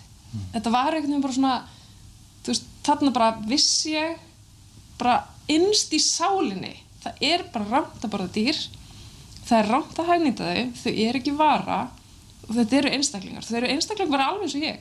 Veist, þau hafa þau búið í öðru umhverfi, þau hafa öðru hugsun, þau vináttan þeirra er kannski ekki að hanga og spjalla saman á sofanum, þau gera eitthvað annað en þau eru samt bara eins og við. Og þau eru bara allan rétt af því, þannig ég ætla að láta þau í friði. Og eftir það þá hef ég verið að berjast fyrir því að þau fá verið í friði. Ummitt Vá, Me- ég var til að hlusta á þið segja þess að sögur bara áfram. Þetta er svo áhugavert, það er svo mikið það er svo mikið svona passion og tilfinningar og eitthvað svona það er svo djúft í þessu sko. Ég geti talað um þetta sko dögum saman. Sem að kemur svo sem ekki óvart að ég meina þú ert, ég meina þú ert með vegan búðina og þetta er bara, þú starfar við má segja veganisma. Já, ég kalla mig business activista Já og þú ert sko andkapitalísk þú ert feminísk, þú ert vegan. Óþólandi típa. Óþólandi fyrir fullt af fólki. Já. Ég meina, farðu það aldrei til þín þú veist, bara hvað er að þér? Jú, en samt sko meira þegar ég var svona að vinna annar staðar í umhverfi sem að ég hafði litla stjórn á með fólki sem að komur á öðrum áttum og svona, þú veist, allt frábært fólk. En hérna þegar ég gerðist vegan og fór í þessa baráttu þá vissi fólk til dæmis ekkert bara hvað vegan þýtti ég fór á veitingastað og spurði áttu eitthvað græmitsvæði sem þú getur sleppt í svona mjölk og egg og, og eitthvað að vessa í? Og þú veist og það var baráttumál samtaka græmitsæta sem, sem hérna grænkjara samtökin hétti þá bara fyrstu tvö árin. Já, bara hérna fólk vissi hvað vegan þýtti já, en semst, á þeim tíma, jú, þá varði ég fyrir rosalega miklu mótlæti sem að eiginlega snerti mig ekki neitt af því þetta snýst ekki um mig. Mm. veist, ég er bara svona, já, já, þú getur alveg staðið hérna og öskraði fjólubláan en ég er samt bara að reyna að berjast fyrir dýrum sem að þú vill láta myrða. Já þú veist. En, en svona, þú veist upplifur þið aldrei vera svona að því ímynda mér að skilabóðin sem þú hefði fengið þannig early days sko, hafi verið að þú væri výrd og verið skrítin Já. og verið öfgafull og allt þetta. Hvernig var að díla við það? Hvernig var bara að standa með þessari samfélag nei, ég vil ekki valda þjáningu.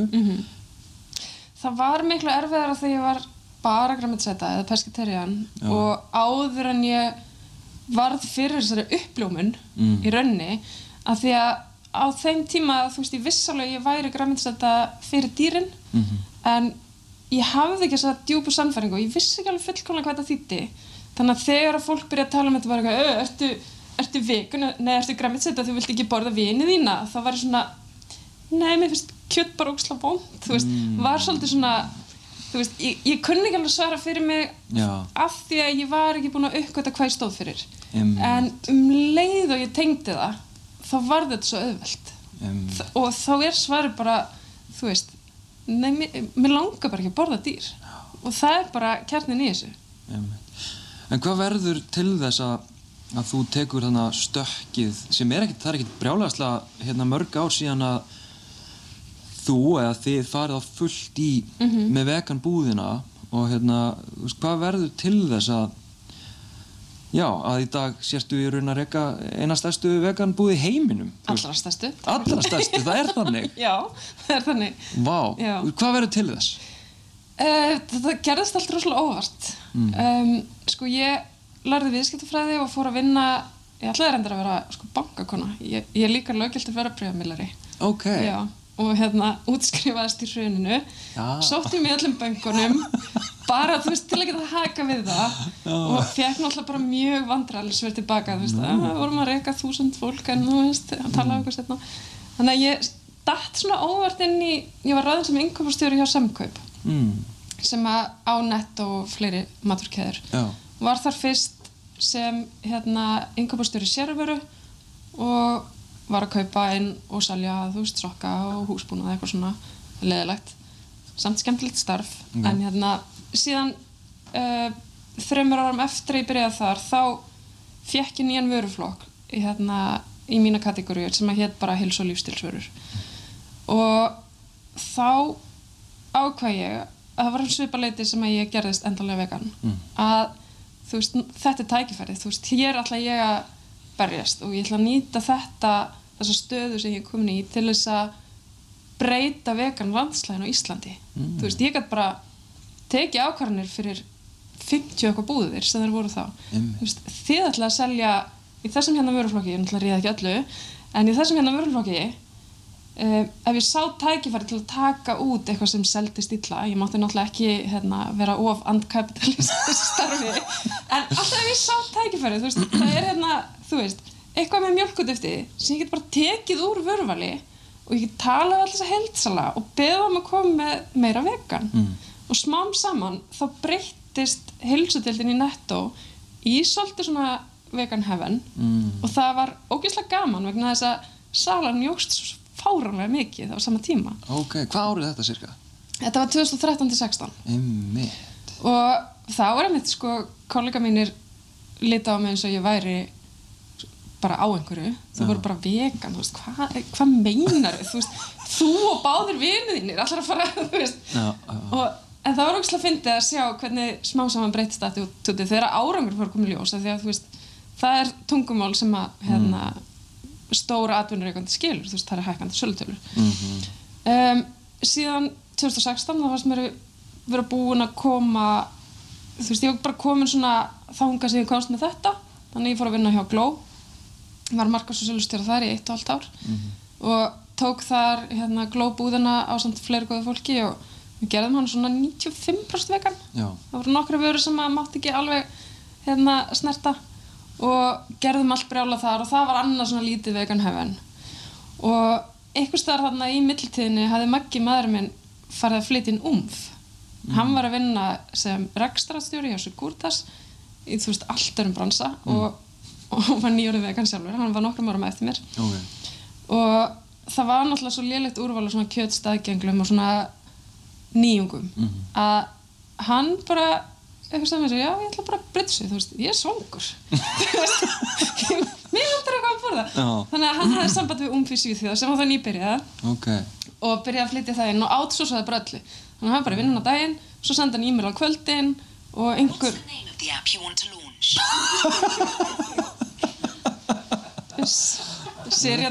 já, en hérna já þannig að hérna hann átsúsaði öllu þannig að þetta var rosalega öðvöld þú veist hann fekk bara pantanum frá búðunum sendi á ymskip og léttu afgreða og þetta var bara svona svolítið hobby.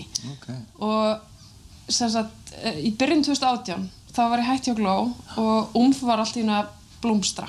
Og ég svona af hverju ekki gefa því séns bara í fullu starfi að selja bara umf og gera ekkert annað? Þannig að ég fór í það. Maggi var ennþá þessi kurtas og konun hans algjör brjálæðingur. Og ég var náttúrulega ennþá með fullt af samböndum í maturubransanum og hafði fullt af know-how, bæði starfsreynslu og mentun þannig að ég gerði bara allt sem ég kunni og gat til þess að stækka umf og svo fór ég að fann fleiri vörumerki. Svo ákvað ég að finna nýja leið til að markast þetta umf og ákvað að opna skyndibitastað í sex vikur á plani í skeifinni sem er núna jömm þú veist, það svo ákveð ég að prófa að vera með eitthvað svona lítið subscription box á heimasíðu sem hétt veganbúðum.is og áskriftakerfi okkar hrundi og þú veist, það fór allt í steik þannig ég fór bara að selja vörur, við vorum með svona 30 vörur til að byrja með. Og einhvern veginn bara vegan samfélagið kom bara og lyfti þessu upp með okkur.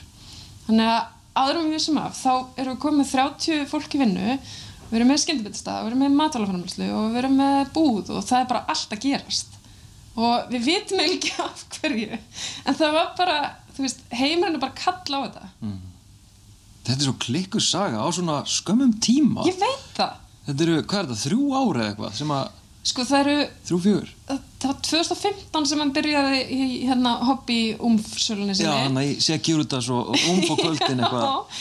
Já, og það var byrjun 2018 sem að ég fór á fullt bara í Já. fyrirtæki okkar Og var þetta sko, þegar þú tekur þetta skref, var þetta geðvik áhætta, eða skilur? Já.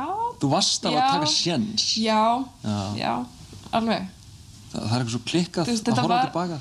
Já, þegar við ákveðum að ég færa fullt í þetta þá endur fjármögnuðu húsið og einhvern veginn reyndum svona að koma það í fyrir að við værum kannski ekki að hérna, gamla of mikið með okkar persónulega stöf og þú veist, þetta, þetta var alveg risa. Einmitt. En sko að því að þú ert sko hérna business aktivisti og hérna og einhvern veginn, ég veit ekki hvort þú hefur sagt það sjálf eða ég sé bara eitthvað að nota þetta yfir þig að vera sko andkapitalísk. En sko er, er hægt að vera með verslun og búð og selja vörur sem að, einmitt, er bara orðið eitthvað skonar veldi í rauninni og vera ekki kapitalisti? Já. Já, hvernig? Uh, við þurfum að keppa við kapitalista, blöðum, við þurfum að keppa við kapitalista og við þurfum að starfa eftir kapitalískum reglum og það getur verið ógeðslega mikið challenge. Og það sem að þetta snýst um er það að við erum ekki tilbúin að græða hvernig sem er og hverju sem er. Mm. og við erum ekki tilbúin að nýðast á fólki eða dýrum eða umhverfi.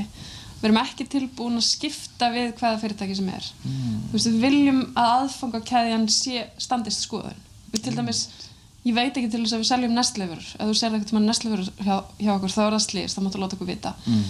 þú veist uh, við viljum að starfsfólkinu okkar líði vel og við viljum þú veist, við viljum veginn bara skilja betur við okkur heldur um komaði þegar að fólkið okkar fer heim úr vinnunu eftir vinnudaginn eða þegar þau fara kannski önnur störf setna þá viljum við að þau hafa einhvern hátt byggst upp hjá okkur. Og við viljum að vöruframböðu okkar sé þannig að fólk geti treysti að veist, það, það var engin barnaþrælkun eða þú veist það, það er það sem þetta snýst um. En á sama tíma erum við náttúrulega í samkeppni við risakæðjur og, og þú veist við erum í baráttu við alls konar svona sem svífast einskis. Og það skekkir þetta ógislega mikið. En við veitum hvað við stöndum fyrir og við ætlum ekki að vera kapitalistar og þá erum við ekki af því að við, bara, við förum ekki þær leiðir. Vá, það er engin smá hugssjón við erum ógislega reið. Já, en við erum líka ógislega glöð.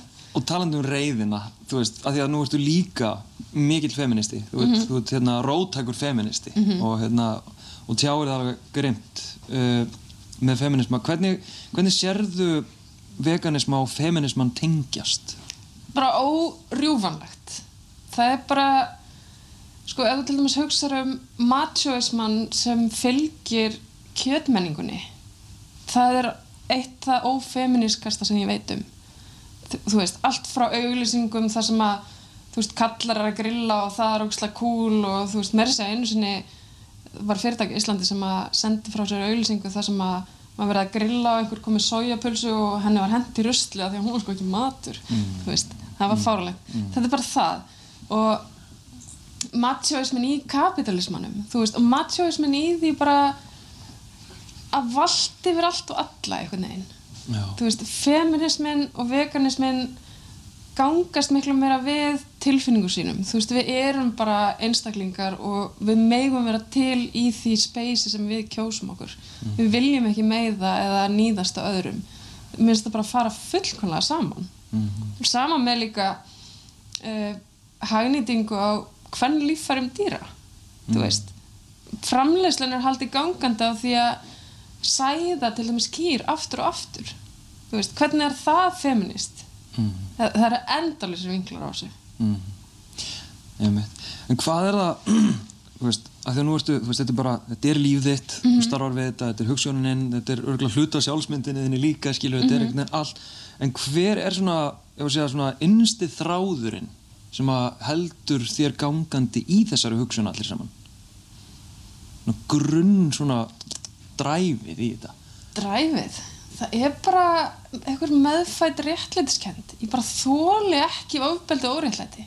Ég bara meika það ekki. Ég, ég er bara ekki til í að það sé til ofbeldi í þeim heimi sem ég á heimi Mm. ég vil bara þetta hætti. Mm. þannig að þú veist allt sem ég get gert til þess að auðvelda fólki að kjósa aðra leiðir og til þess að draga úr ofbeldi bara sæl mér upp. Og hvernig sérðu fyrir þér að, þú veist, ég spyr næstu öll að þessu, að, að íta fólki sem er að hlusta, er áhugasamt, langar, en getur ekki sleppt ásti, eða eitthvað svona, mm -hmm. hvernig, hvernig getur ítt við því?